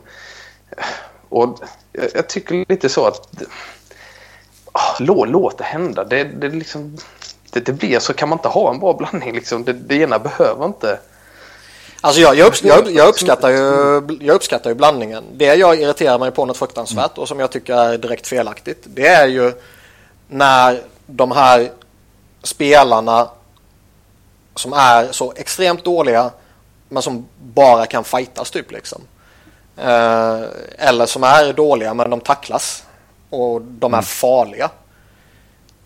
Ta en Zach Ronaldo till exempel. Skitdålig men han kan tacklas och han kan spela med en edge liksom. Han är en fara på isen. Eh, sådana spelare ska inte vara i ligan. Och det är de ju typ inte längre. De är på väg att fasas ut och det är jag ju mm. lycklig för ju. Men det, det, är liksom ändå en... Eh, det är ju fortfarande en del av den här diskussionen liksom. Att de spelarna... För det är fortfarande folk i ledande positioner i NHL-lag som anser att de spelarna är viktiga att ha. Och det är ju det, då, det, är det jag också vill knyta in i den här liksom old school mentaliteten. Att jag inte tycker det har en del i den moderna hockeyn. Mm. Och, och, det är väl, bara, bara för att säga det sista jag har att säga om detta, det är väl egentligen att där vi rör oss mycket på Twitter och sociala medier, alltså på utkanten av NHL. Eh, där är det ju Analytics som har tagit över. Mm. Klart. Ja, Men i de, i de bestämmande positionerna i NHL där sitter fortfarande en hel del dinosaurier. Och det är väl därför det är så här också. Hade man fått in en blandning där, man fått in lite mer analytics-folk i riktigt betydelsefulla roller. Som det bör komma lite, men mm. kanske även, inte bara i klubban utan även i, i ligaledningen. Mm. Då hade det kanske blivit en annan grej. Alltså, så det är väl lite där. Det, det, så är det och det, det, det, blir ju det blir en generationsfråga också. För det, någonstans blir det ju att det, det man har vuxit upp med tar man med sig. Och det är ju fortfarande den äldre generationen som styr ligan och som styr lagen. Och jag tror, jag tror det är rätt enkelt att det som en gång gjorde mig framgångsrik kommer jag fortsätta pröva mig fram med. Mm. Ja, jo, det är klart. Det är ju mm. rätt logisk eh, slutsats att dra tror jag. Mm. Jo, men sen ska man inte gå... Alltså, det, det gäller ju då att hitta den här balansen någonstans. För jag tycker inte... Du får inte bli för radikal med analytics-grejen heller liksom. Grejen är att de, de två ytterligheterna, om du är längst ut på någon av de ytterligheterna, är ju inte bra. Nej. Tror jag. Det är jag helt övertygad om. Inte en, inte, inte en sport som hockey.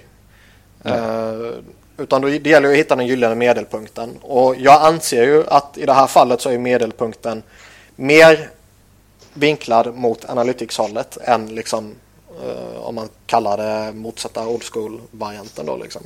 Mm. Så jag, tycker, jag anser ju inte det... 50-50 då så att säga utan mer åt analytics. Mm. Och i, i spelarutvärdering, sen så, sen så låt säga om fem ja. år kanske det är stora spelare återigen som fixar de här så att de statsen funkar. Då kanske inte är snabba längre. Så det, ja. det är inte så att Analytics alltid kommer att handla om att spelare ska vara snabba. Nej, nej. Utan nej, nej. något år sedan såg vi Kings och de är tunga liksom, stora. Mm. Jo, och jag menar det var ändå ett lag som ändå byggde ganska mycket på puck possession också. Mm, Eh, trots att man, trots Ja, att man var stora och starka. Mm. Eh, Ja, men du, bara för att Så- du är stor och stark så det, alltså, det, det är ju inget, det är inget fult ju. nej, nej, nej, absolut inte. Nej, nej, men det, det kan nästan låta så Det- ibland. ja. Ja, han är bara stor. Ja, men det kan vara bra också. Ja, ja men, ja, men alltså det, det absolut bästa är ju om du är stor, om du är stark, om du är snabb. Ja. Typ som Peter Sikora. Ja, jo, jag håller med dig. Nej, men det, det, är väl, det är inte svartvitt. Ska vi sammanfatta det så? ja, ja. Ja, det kan vi göra. Och även vi har blivit kallade dinosaurier. Vad, vad blir ni då? Nej, Ja, alltså jag, jag, jag såg inte storheten i Schlemko. Då blev jag kallad dinosaurie av Tobbe. Ja, jo, men han, han, han anser också att, eh, att Gerard var en dålig fotbollsspelare. Så att, Mm. Eh, de del två på hans fråga här är de senaste fem säsongerna har ju inte direkt något lag som är ett uttalat analytics-lag tagit sig till konferensfinal utan lag som Rangers, Boston, Kings, Blues med mera har varit där och det är väl om något raka motsatsen till analytics-lag. Är det för tidigt att se effekten av vad det nya sättet att bygga lag på eller vad är anledningen till det? Ja, nu sa jag just att Kings var ett analytics-lag. ja. Och Chicago är ju ett analytics-lag och de har ju de har gått rätt bra de senaste åren. Pittsburgh också. Ja, men det är väl, jag, jag, jag kan tänka mig så här. Analytics är ju väldigt bra på att förutse eh, Vad som kommer hända. Ja, men, nej, men precis. Men, men i, eh, du bör ha en stor sample size för att det ska jämnas ut. Liksom. Det är precis som står du med 100, en eh, rysk roulette. Liksom. Du kan fortfarande få den en som smäller till liksom, trots att resten är tomma i, i Ja. hylsan. Liksom. Och det är väl lite samma sak i slutspel. Det är så små marginaler så att även om, om man spelar 100 slutspelsserier kanske Analytics-lagen skulle vinna 75 av dem eller vad det nu skulle bli. Men nu är det bara en gång du får chansen och då kan det studsa hit och dit. Mm. Eh, sen har han en tredje del här. Eh, jag är för Analytics men anser att man ändå måste tänka på att det är personer som spelar. Med andra ord bör man även tänka på saker som ledaregenskaper, hur man är som lagkamrat med mera. Hur hittar man en fungerande kombination av de två olika arbetssätten eller måste man välja ett sätt? En kombination såklart. Men, eh, Det- men alltså, det, grejen att det- vi det- kan... Vi, vi, för oss är det omöjligt att säga vad, vilken påverkan en spelare har i omklädningsrummet. Så att ibland kanske en trade ser konstig ut. Kanske man, ja, men det kanske har någonting med det att göra. Men, men det är ju någonting bara de inblandade vet om egentligen. Ja, det- ja, och det är som jag sa lite tidigare. Jag tycker alltid det är svårt att bedöma en spelare utefter saker som man inte kan se eller som man inte kan eh, rangordna eller som man inte kan eh, sätta på pränt. Liksom. Typ ledaregenskaper. Eh, typ, typ grit liksom. Som, här saker som ja, hur definierar man det och vad liksom det finns, om man bara pratar ledaregenskaper så finns det ju hundratals olika varianter av ledaregenskaper. Eh, och jag tror ju det här att att alla de som beskrivs som tidernas bästa kaptener i NHL jag tror inte det är en slump att alla de också beskrivs som några av tidernas bästa spelare. Mm. Utan jag tror snarare är du en duktig spelare och en talangfull spelare och en av de bästa i ditt lag och i din generation och så vidare. Så kommer du per automatik benämnas som en bra ledare. Med vissa undantag givetvis. För du kommer göra ditt lag bra. Mm. Jo, och sen alltså har du just den här liksom, grejen att du kan få spelare att komma liksom, ihop och allt sånt här. Det är ju, ja. Ja men sådana finns tror- alltid. Liksom, ja. och, Men och, men att oavsett det- om det du kan spelar... eh, lättare ifall du är en bra spelare själv. Ja men så är det ju. Framförallt så blir det ofta klar, kvar i en klubb längre om du är en bra spelare. Ja, ja. Men eh, Men sen är det ju liksom det här att ja, jag, jag, jag tror ju väldigt många lag eh, eh, liksom tänker på, tänk, vad ska man säga, tänker i analytics eh, syfte när de utvärderar och grejer men kanske eh, inte benämner det och pratar om det på samma sätt som vi gör. Men alla vill väl ha pucken så mycket som möjligt. Alla vill ju få iväg så många skott som möjligt och alla vill ju och så vidare och så vidare. Men man kanske inte aktivt sätter sig ner och liksom idag ska vi prata om er eh, Corsi. Idag ska vi prata om det här. Och i- både- nu ska vi liksom varför har vi så högt PDO? Men det, det finns ju en, eh, du sa att det inte går att mäta grit. Det är ju blocks plus hits delat med istiden. Det är grip. Okej. Nästa fråga här då. Hur långt efter McDavid är Jack Eichel och Austin Matthews? Och vem av Matthews och Eichel tror vi är bäst om fem år? Hur långt efter är ju skitsvårt. Det var på 100 meter så kanske 7 meter Stillastående start. kanske. Nej, Men-. Nej, det... McDavid är ju- liga för sig. Ja, jag tänkte säga det. Han och Crosby är ju en liga för sig. Och eh, anser jag personligen. Och eh, ger det några... Jag, jag, tror fort, jag, jag tror fortfarande Crosby har rätt goda möjligheter att vara den bästa spelaren i några år till. Men McDavid kommer ju ta över, det är jag helt övertygad om. Jag tror McDavid kommer att vinna fler poängligasegrar framöver här nu i fem år än vad Crosby gör. Men Crosby kan ju fortfarande vara den bästa spelaren. Ja, ja. Men, men kan det ha varit så att Crosby har fått... För jag menar Crosby har ju varit fenomenal här i inledningen. Kan det ha varit så att han har fått en liten skjuts ändå av att Mc- McDavid har kommit in och spelat så pass bra som han har gjort? Det tror jag. Alla, alla som Eller så fick han skjuts av att han vann cupen. Ja, precis. Men all, man tycker man läser mycket så här, just den här strävan efter att alltid bli bäst. Som inte finns. Folk vill ju inte vinna, eller hur? Ja. Nej, men eh, just den eh, har man förstått. Det var väl någon intervju med Hörnqvist där han själv sa det också. Liksom, att eh, det, det definitivt har gett en kick och det tror jag eh, att det har gjort. Just för att nu, nu har han... Det är ju den, man, man har lite sett McDavid som Crosbys arvinge. Mm. Lite. Man har gjort Så är det ju. Crosby har varit eh, ligans posterboy ju. Och nu helt plötsligt så Och- kommer den och är på väg att peta bort honom liksom. Som likt ett lejon i en lejonflock. Hanen försöker hanen. Typ så. Olanin. eh, vem av Matthews och Eichel som är bäst om fem år? Eh, Ja. jag lutar lite åt Matthews. Ehm, mest för att jag väl anser att han har väldigt intressanta spelare runt omkring sig. Uh, där jag kanske inte, alltså Nylander, i synnerhet Mitch Marner som jag är extremt hög på efter uh, hans inledning här. Han ser jävligt intressant ut. Uh, och spelare påverkas ju såklart av vilka de har eh, runt omkring sig. Ja, Och- alltså, det känns ju som att det skulle kunna bli någon sån här helt galen kedja i många, många år. Ja, och, och liksom Jack Eichel, visst de har bra spelare i, i Sabres. Men eh, det finns en potential i den, alltså i Torontos eh, nya generation om man säger så. Mm. Som är jävligt sexy. Men om man, om man ska eh, försöka se någonting så, så kanske, alltså Matthews, om man säger så här, Eichel kommer vara boss, eh, Buffalos bästa spelare. Punkt slut. Matthews kommer troligtvis vara Torontos bästa spelare. Men det kan vara Mitch Marner. Absolut. kan vara Nylander. Alltså, så att, ha- Det kan vara Matt Martin. kanske- Ja, det kan vara Matt Martin. Absolut. absolut. nej, men, eh, eh, nej, men just att där finns... Å ena sidan kan de lyfta varandra, å andra sidan kanske de överglänser honom. Så det, är- det är ju svårt att, att jämföra. Men båda två kommer nu bli väldigt bra och snäppet under McDavid helt enkelt. Det kommer väl... Mm. Mm. Sen har vi fått en fråga från... Det här måste du- Norge. Det här måste du läsa på norska. Ja, jag ska göra mitt bästa. Annars tycker jag du är en Eh, dålig programledare. Så vi säger tack för att ni har lyssnat på oss i Norge också. Ja, min, alltså min norska, okej. Jag ger ett försök i alla fall. Eh, det kommer säkert låta för jävligt men.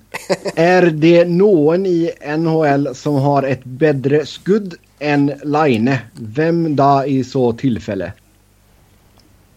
Ska vi Så är, det någon, är det någon i NHL som har ett bättre skott än Line och vem skulle det vara i så fall? Jag tycker Ovechkin har ett rätt eh, vettigt skott. Ovechkin Tarasenko. känns ju... Tarasenko också, ja. Däremot var det väldigt fascinerande en, en tweet som kom upp för eh, några dagar sedan. Eh, lite som jag retweetade så ville man hitta den kan man gå in på någon tidslinje hos mig. För jag minns inte vem fan det var. Men som visade vad Patrik Laine och Sidney Crosbys skott hade gått i mål. Mm. Och typ alla hans skott var ju exakt vid stolpen. Medan Crosby var lite mer eh, spritta, Spritt. lite mitt i målet här och där och lite five-hole och sådana här grejer. Men eh, Men med, med det andra ord så är Line mycket lättare att läsa. Målvakten behöver bara ställa sig vid ena stolpen. exakt. kommer inte ha dem. Eh, men det var, den, var, den var faktiskt jävligt häftig att se. Det var verkligen extremt tydligt på att han eh, antingen har sjuk jävla tur eller faktiskt är duktig på att sikta. Jag skulle nästan vilja säga att han är duktig på att sitta. Ja, Nej, men Ove- Ovechkin och Tarasenko, eh, har vi något mer? Eh, De kan ta upp kampen även Line. försöker hitta någon kanadensare. Nej. Inte just nu. Ben har ett bra skott. Men nej, inte, inte på den nivån. Nej. Alltså det, fin, det finns ju ett gäng duktiga målskyttar och liksom Stamkos och Tyler Seguin och eh, Pavelski är rätt vettig och sådär liksom. Men eh, vad säger man? Prickskytte Mm.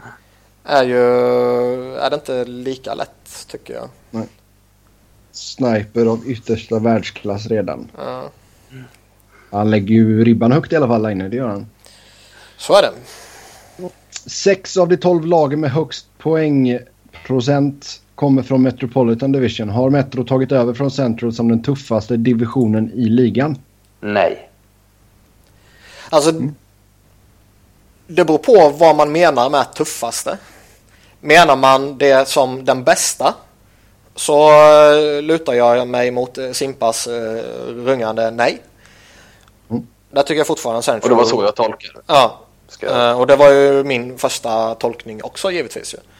Eh, Och förmodar att det är så han menar också. Mm. För jag tycker fortfarande att titta på lagen i Central så är den överjävlig. Men om man menar tuffaste som den jämnaste Mm. så kanske man kan göra ett case för Metropolitan. Alla lagen har ju chans att gå till slutspel där. Definitivt. Ja, ja. Ja, det är väl Islanders som, som känns rätt segerår. Fast på något sätt de har ju ändå varit hyfsade de senaste åren. De har ju Tavares. Liksom. ja, och där är väl någonstans en eh, enorm underprestation känns det som. Mm. Men visst, det, det känns ju som att några av lagen har lite sämre. Men, men eh, det, jag, nej, det, det, den känns väldigt jämn och tajt på så sätt. Mm. Absolut. Niklas, hur glad är du att Philly har tagit sex raka vinster förresten? Det känns som att du skulle nästan ha skrytit mer om det. Jag är inte mycket för att skryta. Ja, Okej. Ehm, det, ja. Det är, det, är så jävla farligt att hypa upp Flyers samma kväll som de ska spela match. Jo, men du, små, du går ändå så smågottar dig åt detta. Det gör du. Det gör jag ju hela jävla tiden oavsett om de torskar eller inte. Eh, men eh, nej men det, det är ju skoj liksom. Nu är man ju med i racet på allvar. Och eh, i synnerhet så börjar ju Steve Mason eh, vara Steve Mason igen efter en eh, minst sagt kaosartad och direkt eh, usel inledning. Och han har varit hur grym som helst eh, senaste veckorna ju. Mm. Så vi säger Metropolitan är jämnast men Central är tuffast. Alltså jämnast vet jag väl inte heller. Där kan man ju också göra ett jävligt starkt case för Central. Men den är väldigt jämn. Ja. Det är sant. Ja, vi går vidare. Hur anmärkningsvärt är det att Olli Mäte sitter på 0 plus 1 på 26 matcher i ett offensivt Pittsburgh-lag då han ändå snittar över 18 minuter per match? Om man ser det så här. Han spelade ett väldigt bra lag. Han var väldigt bra under sitt rookieår och eh, har borde utvecklats mer. Då är det anmärkningsvärt. Men om man tänker på alla skadebekymmer och cancern han har haft och allt sånt. Så känner man att okej, han kanske kommer ha ett par lite tyngre år innan han får igång utvecklingen igen. Mm. Så känner jag. Ja, alltså framförallt så kan det ju ha satt stopp för utvecklingen helt och hållet också. Eh, absolut. Men, eh, men om, om man ser till den potential han visade i början av karriären då, då är det anmärkningsvärt att han inte har kommit längre än så här. Men som sagt, med tanke på allting som har hänt så kanske man får ha viss förståelse för. Fast det är, det är ju verkligen jättelustigt att man spelar med eh, Latang, Crosby, Malkin, Hörnqvist, Kessel, Bonino, Hagelin. Eh, ja, någon, någon till jävligt bra som jag säkert glömmer. Och eh, har spelat 26 matcher. Och man har bara på lite flyt eller på du vet, en felstuds eller någonting Mm. fått mer än en poäng. Jo. Det är ju faktiskt jättekonstigt. Alltså, det- ja, nej, det är visst på så sätt så, så är det ju anmärkningsvärt också. Mm. Mm. Sen, hur kommer det sig att Oilers har torskat alla matcher mot Buffalo, Toronto och Arizona? Dålig coach? Frågetecken. Vad är fel? Frågetecken. Hade jag vetat det så hade jag varit miljonär. Nej, jag vet inte. Jag, har ni sett? Jag har faktiskt inte, jag kan inte minnas att jag har sett någon av de här matcherna. Jo! Ja, nej, inte sådär. Någon klar tanke. Nej. Dålig coach. Ja, Så har de nej. inte. McClellan är ju duktig. Jag gillar honom. Ja, det tycker jag är en kompetent coach. Eh, jag, jag tror mycket sådana här grejer är liksom slumpar och grejer. Och man kan ju hitta liksom sviter i, hos de flesta lagen att man har inte vunnit mot det här skräplaget sen eh, Stan brann. ja, typ. Men var, var det inte så att Arizona har inte gått poänglösa mot Edmonton på typ 30 matcher eller något sånt? Ja, det är över 20 i alla fall. Ja, det var något sånt sinnes. Det är ändå, det är, det är ändå en ordentlig svit. Oh ja. Oh ja. Men jag, jag tror bara det är liksom lika, alltså Edmonton, för, det, det är en slump och så är det lite, alltså Edmonton är fortfarande Edmonton. Uh, Conor McDavid är skitbra, de har väldigt mycket intressant runt omkring honom men det finns fortfarande eh, faktorer i Edmonton som är suspekta och som gör att de kommer gå på minor här och där och inte kommer ha en spikrak utvecklingskurva bara för att de har fått super Conor McDavid. Sen har vi, vad blir Alexander Radulovs nästa kontrakt? Eh, fortsätter han så här och ligger på nästan en poäng per match så kan det bli dyrt. Det blir dyrt oavsett nästan va? Jag är skitdålig på att uppskatta kontrakten. Alltså, jag tycker man blir chockad hela tiden. Bara, fick han det och fick inte han mer än så? Alltså, tre gånger sex. Låter det rimligt? Alltså tre år, sex miljoner. Ja, jag fattar. Ja. hade han signat 3 miljoner sex år så hade man ju varit kalasglad liksom. Men eh, Jag tror nästan han kan nudda på sju alltså. ja, det skulle inte förvåna. Eh, är han så bra som han varit hittills och han har ju verkligen varit jätteduktig. Mm. Så ska han ha gott om pengar. Ja. Fast det, alltså, finns det någon, liksom, är man Montreal, visst skulle vi ändå så chansa på att han signar med Montreal igen eller? Men Alltså funkar det Ja. bra där i säsongen ut och liksom ja. Det beror nog lite på vad de har för, för partyregler i slutspelet. Tror ni det? Garanterat. What you think about partying day before playoffs? Men eh, ja, jag, jag skulle nog inte ha jättebråttom att signa med honom. Nej. Nej men alltså hade du varit lite tveksam att ge han mer än kanske tre år? Ja, jag, jag, skulle, jag, jag vill se mer av honom. Mm. Och eh, då menar jag jag personligen. Då menar jag kanske inte jag som Montreal GM om man säger så. Nej. Utan då menar jag, jag, jag har sett eh, en handfull matcher liksom. Och, ja, lite mer, låta det gå lite mer på säsongen och bilda sig en lite bättre uppfattning om honom. Och jag, jag, jag tycker Alexander Radulov är en jätteduktig spelare och jag har för mig att vi sa någonting när vi snackade i somras att det här kan vara sommarens överlägset bästa värvning eller något sånt här. Mm. Det tror jag fortfarande på. Eh,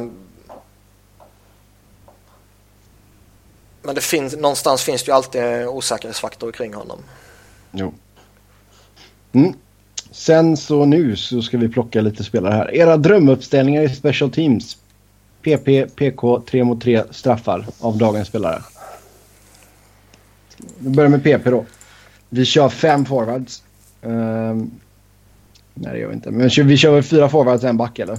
Du får köra hur fan du vill. Vill du ha fyra backar får du göra det. Det är din dröm. Ja men vi kör, vi gör en, en tillsammans här nu. Gör vi. Eh, Karlsson ska ju vara på isen. Ja. ja, det tycker jag är tokgivet. Den enda frågan är om man ska ha en back jämte honom eller om man ska köra med fyra forwards. Ska Webber få stå och bomba? Fast grejen, ja. Jag, jag, jag tycker ju, ska man, ska man maximera i ett sånt här läge så tycker jag ju att det är, något, något sätt blir det fel med två högerfattade backar. Mm. Även om båda två är jävligt duktiga så kommer båda två ta ut varandra lite också. För båda två ska ju stå på pointen och ha all puck. Okej, ja, men då kör vi Erik Karlsson här då. Ja, jag tycker nog ändå det. Ovechkin. Till, Mm. till vänster i sin vanliga position. Ja. Jag skulle göra ett väldigt uh, hårt case för Wayne Simmons framför kassen. Han eller Pavelski framför kassen. Nej, Simmons. Du måste ha den smutsiga grinden som du har krigat för hela avsnittet. Nej, alltså jag hade kunnat leva med båda två. Eller vem, vem, vem som helst av dem. Ja, då kör vi Simmons där. För det är en av mina personliga favoriter. Uh, Ja, alla älskar Simmons. In med Crosby också. Crosby är världens bästa spelare. Det är klart han ska vara med. Han ska ju vara motsatt sida som Ovechkin. Men frågan är vem man ska ha i slottet. Ja, Pavelski. Ja, varför inte? Vet ni, vet ni vem vi inte ens har nämnt? Ghost Bear. Nej. Giroud, ligans bästa PP-spelare. Nej, nej han, Vi vet han att han är. Burns. Burns. Ja, Han heter Burns. han heter Burns. Eh, nej men han är ju skitbra liksom. Problemet är ju bara att det finns, eh, vad ska man säga, en handfull eller kanske lite mer extremt duktiga powerplaybackar. Ja. Ja, det är sant. PK då. Jag skulle väl slänga ut Patrice Bergeron Mm. och jag skulle nog slänga ut Anze Kopitar jämte honom. Ja. Eh, Låter bra. De är väl typ bäst på det. Chris Russell.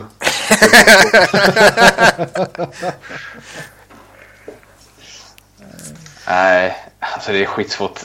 Boxsplit backa liksom. Ja. Alltså jag tycker väl här kan man göra ett legitimt case för Shea Weber.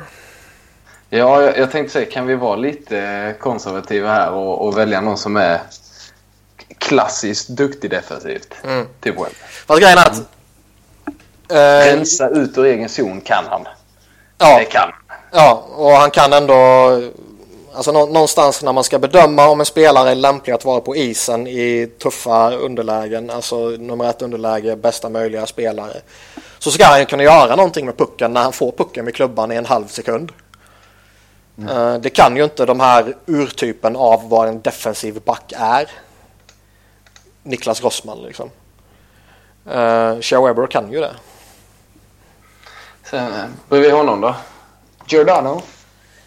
Giordano, Vlasic kanske man ska göra ett case för. Chara kanske jag kan inte riktigt bedöma nu för tiden. Men... Ja, Han, han, är, han, inte han, är bara, han, han är bara stor. Jag, jag, försökte, jag försökte smyga in li, ännu lite till så här old school. Men Ja. nej, nej, vi drar får dra gränsen någonstans. nej, men jag köper det. Jag köper det. Mm.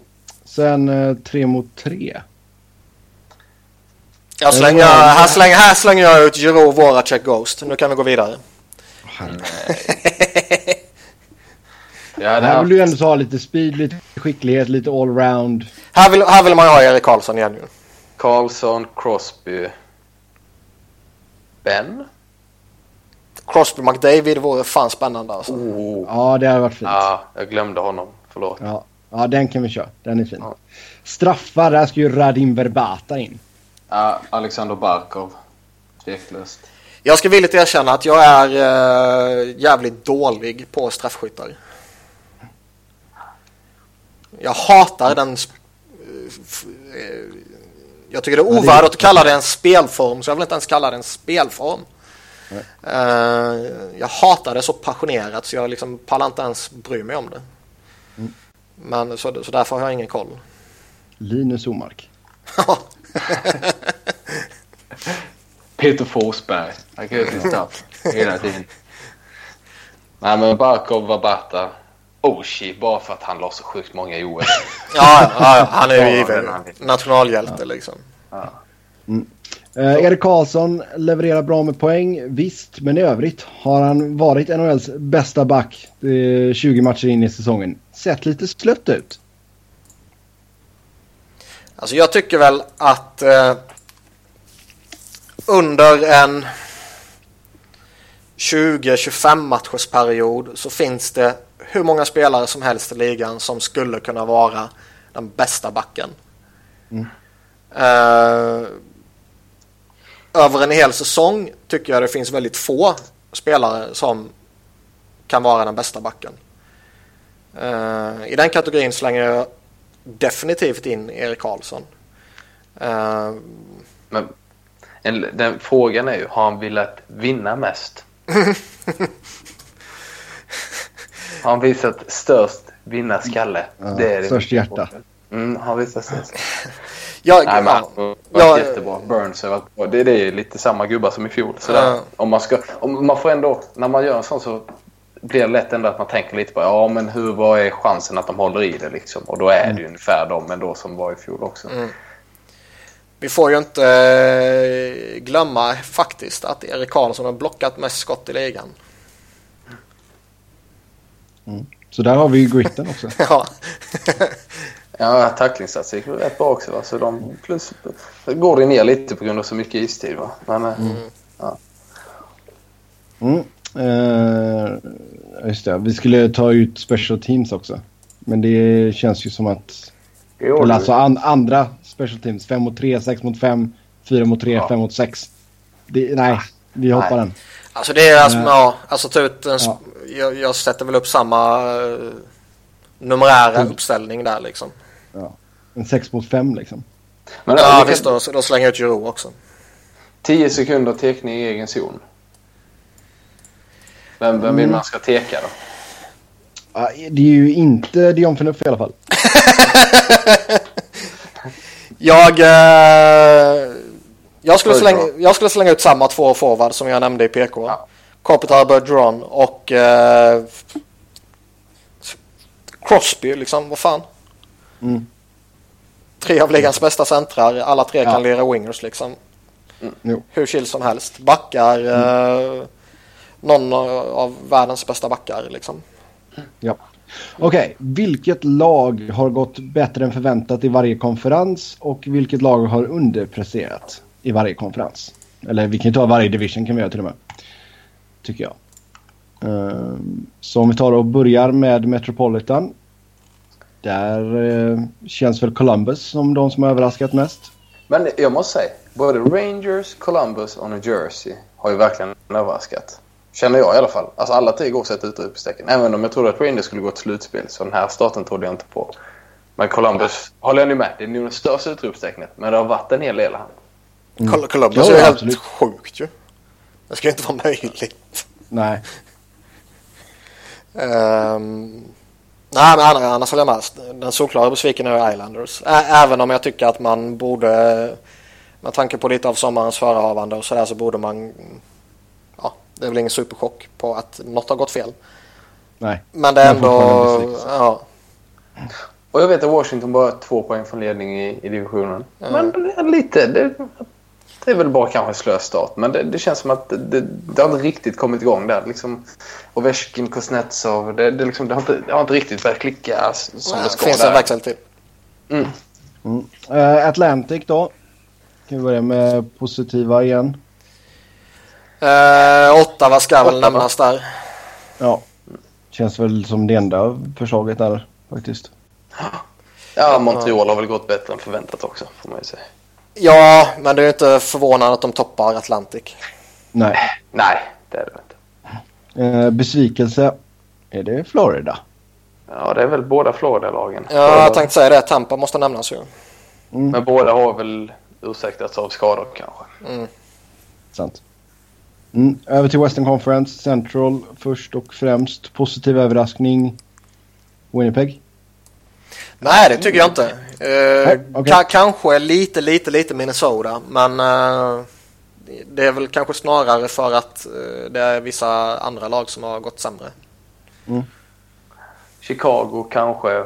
Um, att de skulle gå, gå så bra. De är då...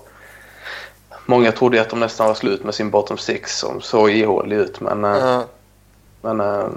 Man har sin jävla Kanske lite överraskad över att de leder en tuffaste division. Men det är ju fortfarande mm. Chicago. Det måste man ju ta hänsyn till. Ja. Mm. Mm. Besvikelserna är ju givna i Preds och Dallas. St. Louis hemmaform är inte att leka med nu när jag tittar på siffrorna. Nej. Uh, nej, det bra. Det. Ja. ja, besvikelse. Vad sa vi Dallas? Ja, Dallas och Nashville. Det är ju rätt ja. tokgivet. Dallas kan man ju vifta undan med sjuk skadesituation på sina håll. Jo. Uh, Nashville tror jag verkligen att det har... Ja, det hände lite grejer i somras som påverkade vissa saker. mm. Nej, som jag sagt tidigare, jag, jag tror att Shea Weber var en väldigt tydlig uh, mittpunkt i uh, hela det laget och hela den organisationen. Och när man bara rycker upp honom, slänger iväg honom och ska få ihop en ny gruppdynamik och nya, nya förutsättningar och allt vad det innebär. Så det kan ta tid innan det sätter sig. Mm. Mm. Och de är Men, lite på gång nu. Ja. Edmonton är ju en sån här positiv överraskning. Ja. ja. Men det är lite så. Det är två poäng ner till Calgary. Jo, ja, absolut. Det är liksom, visst, det är, men, men det är ju liksom så här. Med, med de marginalerna så är det inte jätteöverraskande att man leder en division. Alltså är ni med på vad ja, nej, nej, absolut. absolut. Att den var med i mixen liksom. Men mm. eh, den är ju så tight liksom så. Men att man har lyckats vinna 14 av 28 matcher, det, mm. ja. det får som ett bra jobb. Eh, besvikelse här. Alltså, Niklas, Vancouver är ingen direkt besvikelse för oss. För vi tippar ju dem sist i Pacific. Så jag vet inte riktigt vad, alltså, vad ska vi kalla för en besvikelse här? Det får ju vara någon som är sämre än de ni tippade Ja, exakt. Mm. ja, exakt. Arizona tycker jag väl är, eh, även om man inte förväntar sig stordåd av dem, så är det väl ändå en liten besvikelse när du har liksom Pavel Datsjuk din första center och du har Chris Pronger på blålinjen. Nej, men jag, visst jag kan köpa att Arizona kanske, alltså man har ju sett riktigt svaga ut mm. i många matcher. Sen har det blivit att man har förlorat en hel del uddamålsmatcher också. Men... För de visade ju ändå väldigt mycket förra säsongen att shit, här är något spännande på gång. Och de mm. gjorde, mm. alltså Goligoski var ju en jättebra värvning. Och bygga vidare med sina unga spelare. Men sen har, du, har de ju slirat till lite och skickat iväg Strom och Duclair verkar ju vara på vift också känns det som. Mm. Ja, det är, väl, det är väl lite det som att de inte har tagit att de inte har fortsatt bygga på förut. Alltså man inte har ja. tagit fler kliv framåt. Även om de inte var ett slutspelslag så trodde man att de skulle kanske närma sig, alltså ligga hack i häl på Calgary till exempel. Mm. Mm. Så det var det. Uh, vilken spelare har överraskat och vilken spelare har floppat från våra lag? Uh, nej. nej. exkludera spelare från våra lag. Förlåt, förlåt, förlåt. Okej, okay, så vi får inte prata Kings, vi får inte prata Flyers, vi får inte prata New Jersey, vi får inte prata Florida. Uh, jag, tror, jag, tror jag tror frågan är riktad snarare mot Colorado. ja men det, Colorado, det är alla i flopp. Uh, nej men alltså uh, att det var Colorado vi inte ska prata om. Oh, jag vet, jag vet, jag vet. Vi vill inte prata om dem ändå. Nej, skit i dem jävlarna. Ja. Överraskning, jag tycker Zach Wierenski har varit Alexander Wennberg också. Jävla bra. Och Wennberg också, absolut. Hela jävla Columbus. ja, ja, jo men visst. Jag menar Ken Atkinson, Sam Garnier går in och pissar in poäng och... Nej men jag tycker Verinsky kommer in så... Alltså det är alltid lite extra när en så pass ung back kommer in och gör det bra liksom. Mm. Um, Framförallt i det laget. Mm. Och Wennberg får ju sitt rejäla genombrott här nu mm. så det är absolut en överraskning. Atkinson 23 poäng på 24 matcher. Ja, det är ju helt... Och det är, en, det är ändå så en kille som det har surrat som att de vill skicka bort ganska länge också. Liksom. Mm. Det, eh, andra positiva överraskningar. Sam Gagner om jag ändå pratar på Co- Columbus. Ja, ja men han nämnde jag också. Sa du det? Ja, jag hörde inte. Jag Mm. lyssnar inte så noga på vad du säger. Nej, det vet jag. Nej, så det är... Nej, Columbus har ett gäng spelare där. Um, alltså att Radulov skulle vara så här bra ändå. Förväntade vi oss det? Ja. Okej. Det, inte, det- jag känner det, alltså- ingen över, det var inget givet, men det är inte överraskande kanske. Nej, det är en bra formulering. Mm. Patrik Laine får Ja. man väl ändå nämna som en överraskning. Och sen om vi tar någon, tar någon eh, veteran också som Marian Hossa som har börjat väldigt bra. Jo. Mm. Som man ändå Så- trodde var på dekis ordentligt. På nytt, kan han ju på nytt fortfarande. född ut. Ja. Mm. Eh, Pasternak är väl också en överraskning. De Ja. Och Ehlers. Ja. Det är ett gäng. Ryan Kessler, att Ryan Kessler har 12 mål. Det är ju Ja. helt galet. It's the Carlisle Mm. effect. Ja, Kessler går och pissar in mål och Corey Perry står på typ fem eller fyra eller vad det nu är. Eh, besvikelse då? Ja, Bergeron som vi pratade om tidigare tycker jag ju Mm. definitivt ska hängas här. Även om han fortfarande, som jag sa, är en utomordentligt duktig spelare så måste han producera givetvis. Och där har han inte varit tillräckligt bra. Dylan Larkin. Om vi ska ta någon liten ung som man hoppades mycket på. Mm. Spelar i och för sig i Detroit. Förlåter en del, men ändå. Eh, Kopitar har väl kommit igång lite va? Annars var han Mm. rätt länge lite halvsunkig. Ja. Samma med Barkov där som gick 21 matcher utan mål. Ja. Eh, har du eh, senaste gången du var med, jag minns inte om det var två eller tre veckor sedan, men då hatade du det rätt hårt på Jäger. Ja, men de, de har vaknat lite den kedjan nu på sistone. Uh, gubben var lite Eh, segstartad bara. Ja, nej, men det, då, det var väl lite längre än vad jag trodde. Jag förväntade mig lång, lång startsträcka, men den var lite längre än vad jag trodde. Mm. Vi får se om de håller i det. Men eh, nej, han har ju fått mycket kritik utifrån också. Så att, han var ju inte bra i början. Men han, Mm. ja, Kuznetsov måste man väl nämna också. Mm. Han har inte riktigt eh, spelat på den nivån som jag tycker han eh, klarar av och ska göra. Men det är lite svårt med de som gjort det här, LAD som vi snackade om innan såklart. Men, men det finns rätt många som är så här lite svårbedömda som man tänker att okej de kommer inte göra jättemycket poäng men det de har gjort nu är för lite. Men hade de gjort tre poäng till så hade det känts okej. liksom. Jo, men typ som en sån som eh, Elias Lindholm. Så här, sju poäng på 23 matcher är såklart pissigt. Men skulle han ligga på, låt säga 12 så hade den bara, ah, okej men det är en hyfsad start i alla fall liksom. Mm.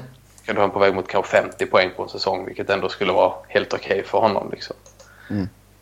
Så det, det är rätt många sådana som, det, det är lite för tidigt för sig, sånt kan jag känna. Eh, Jag håller med. Mm. Andrew Ladd. ja men Pratade lite om honom innan. Ja, han sa ju simpa för typ en och en halv minut Ja, sedan. förlåt. ja men det är lugnt. Fick vi inte säga, vi fick inte säga några Colorado-spelare. Det fick vi inte göra. Nej, många som har varit besvikelse där. Ja, mycket skit, mycket skräp. Ja, äh, Filip, alltså Filip Forsberg får man ju säga målskyttet. Ja. Det har ju varit en rejäl besvikelse. Men var inte han segstartad förra året också? Inte så jäkla segstarkad va? Menar, mm, han har två mål på 25 matcher. Ja, nej, det är ju inte bra överhuvudtaget. Det är ju, usch. Klingberg går väl också att nämna. Petad två gånger liksom. Mm, absolut. Giordano hade ju en, så jag förväntade mig lite mer poäng från. Ja. Men det är de har liksom eh, Giordano har varit, eller inte, nej vad- vad, inte Giordano, vad fan heter han? Gaudreau heter han ju, Johnny Hockey. Mm. Han har varit borta lite. Eh, Monahan har ju varit lite mm, problem sådär liksom. Och om du tar bort den ena bästa spelaren och den andra bästa spelaren eh, och får lite problem då så kommer ju påverka produktionen för dina backar. Mm. Ja, Vi- ska. Och sen har vi vi pratade ju mycket Böttger förut också. Det har också varit en besvikelse. Uh, ska vi se. Det lag med sämst utgångsläge inför expansionsdraften, typ Ducks, Wings, Jets etc.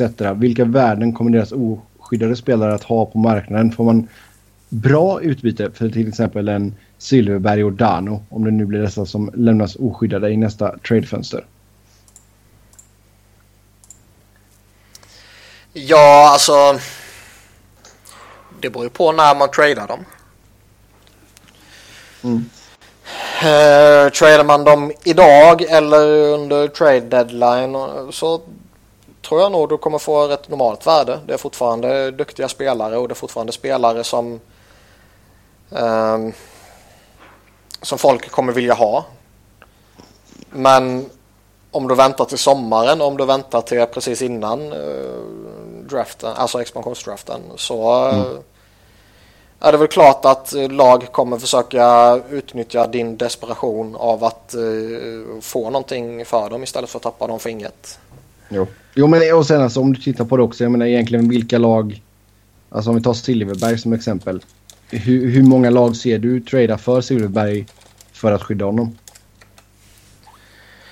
Um, sju.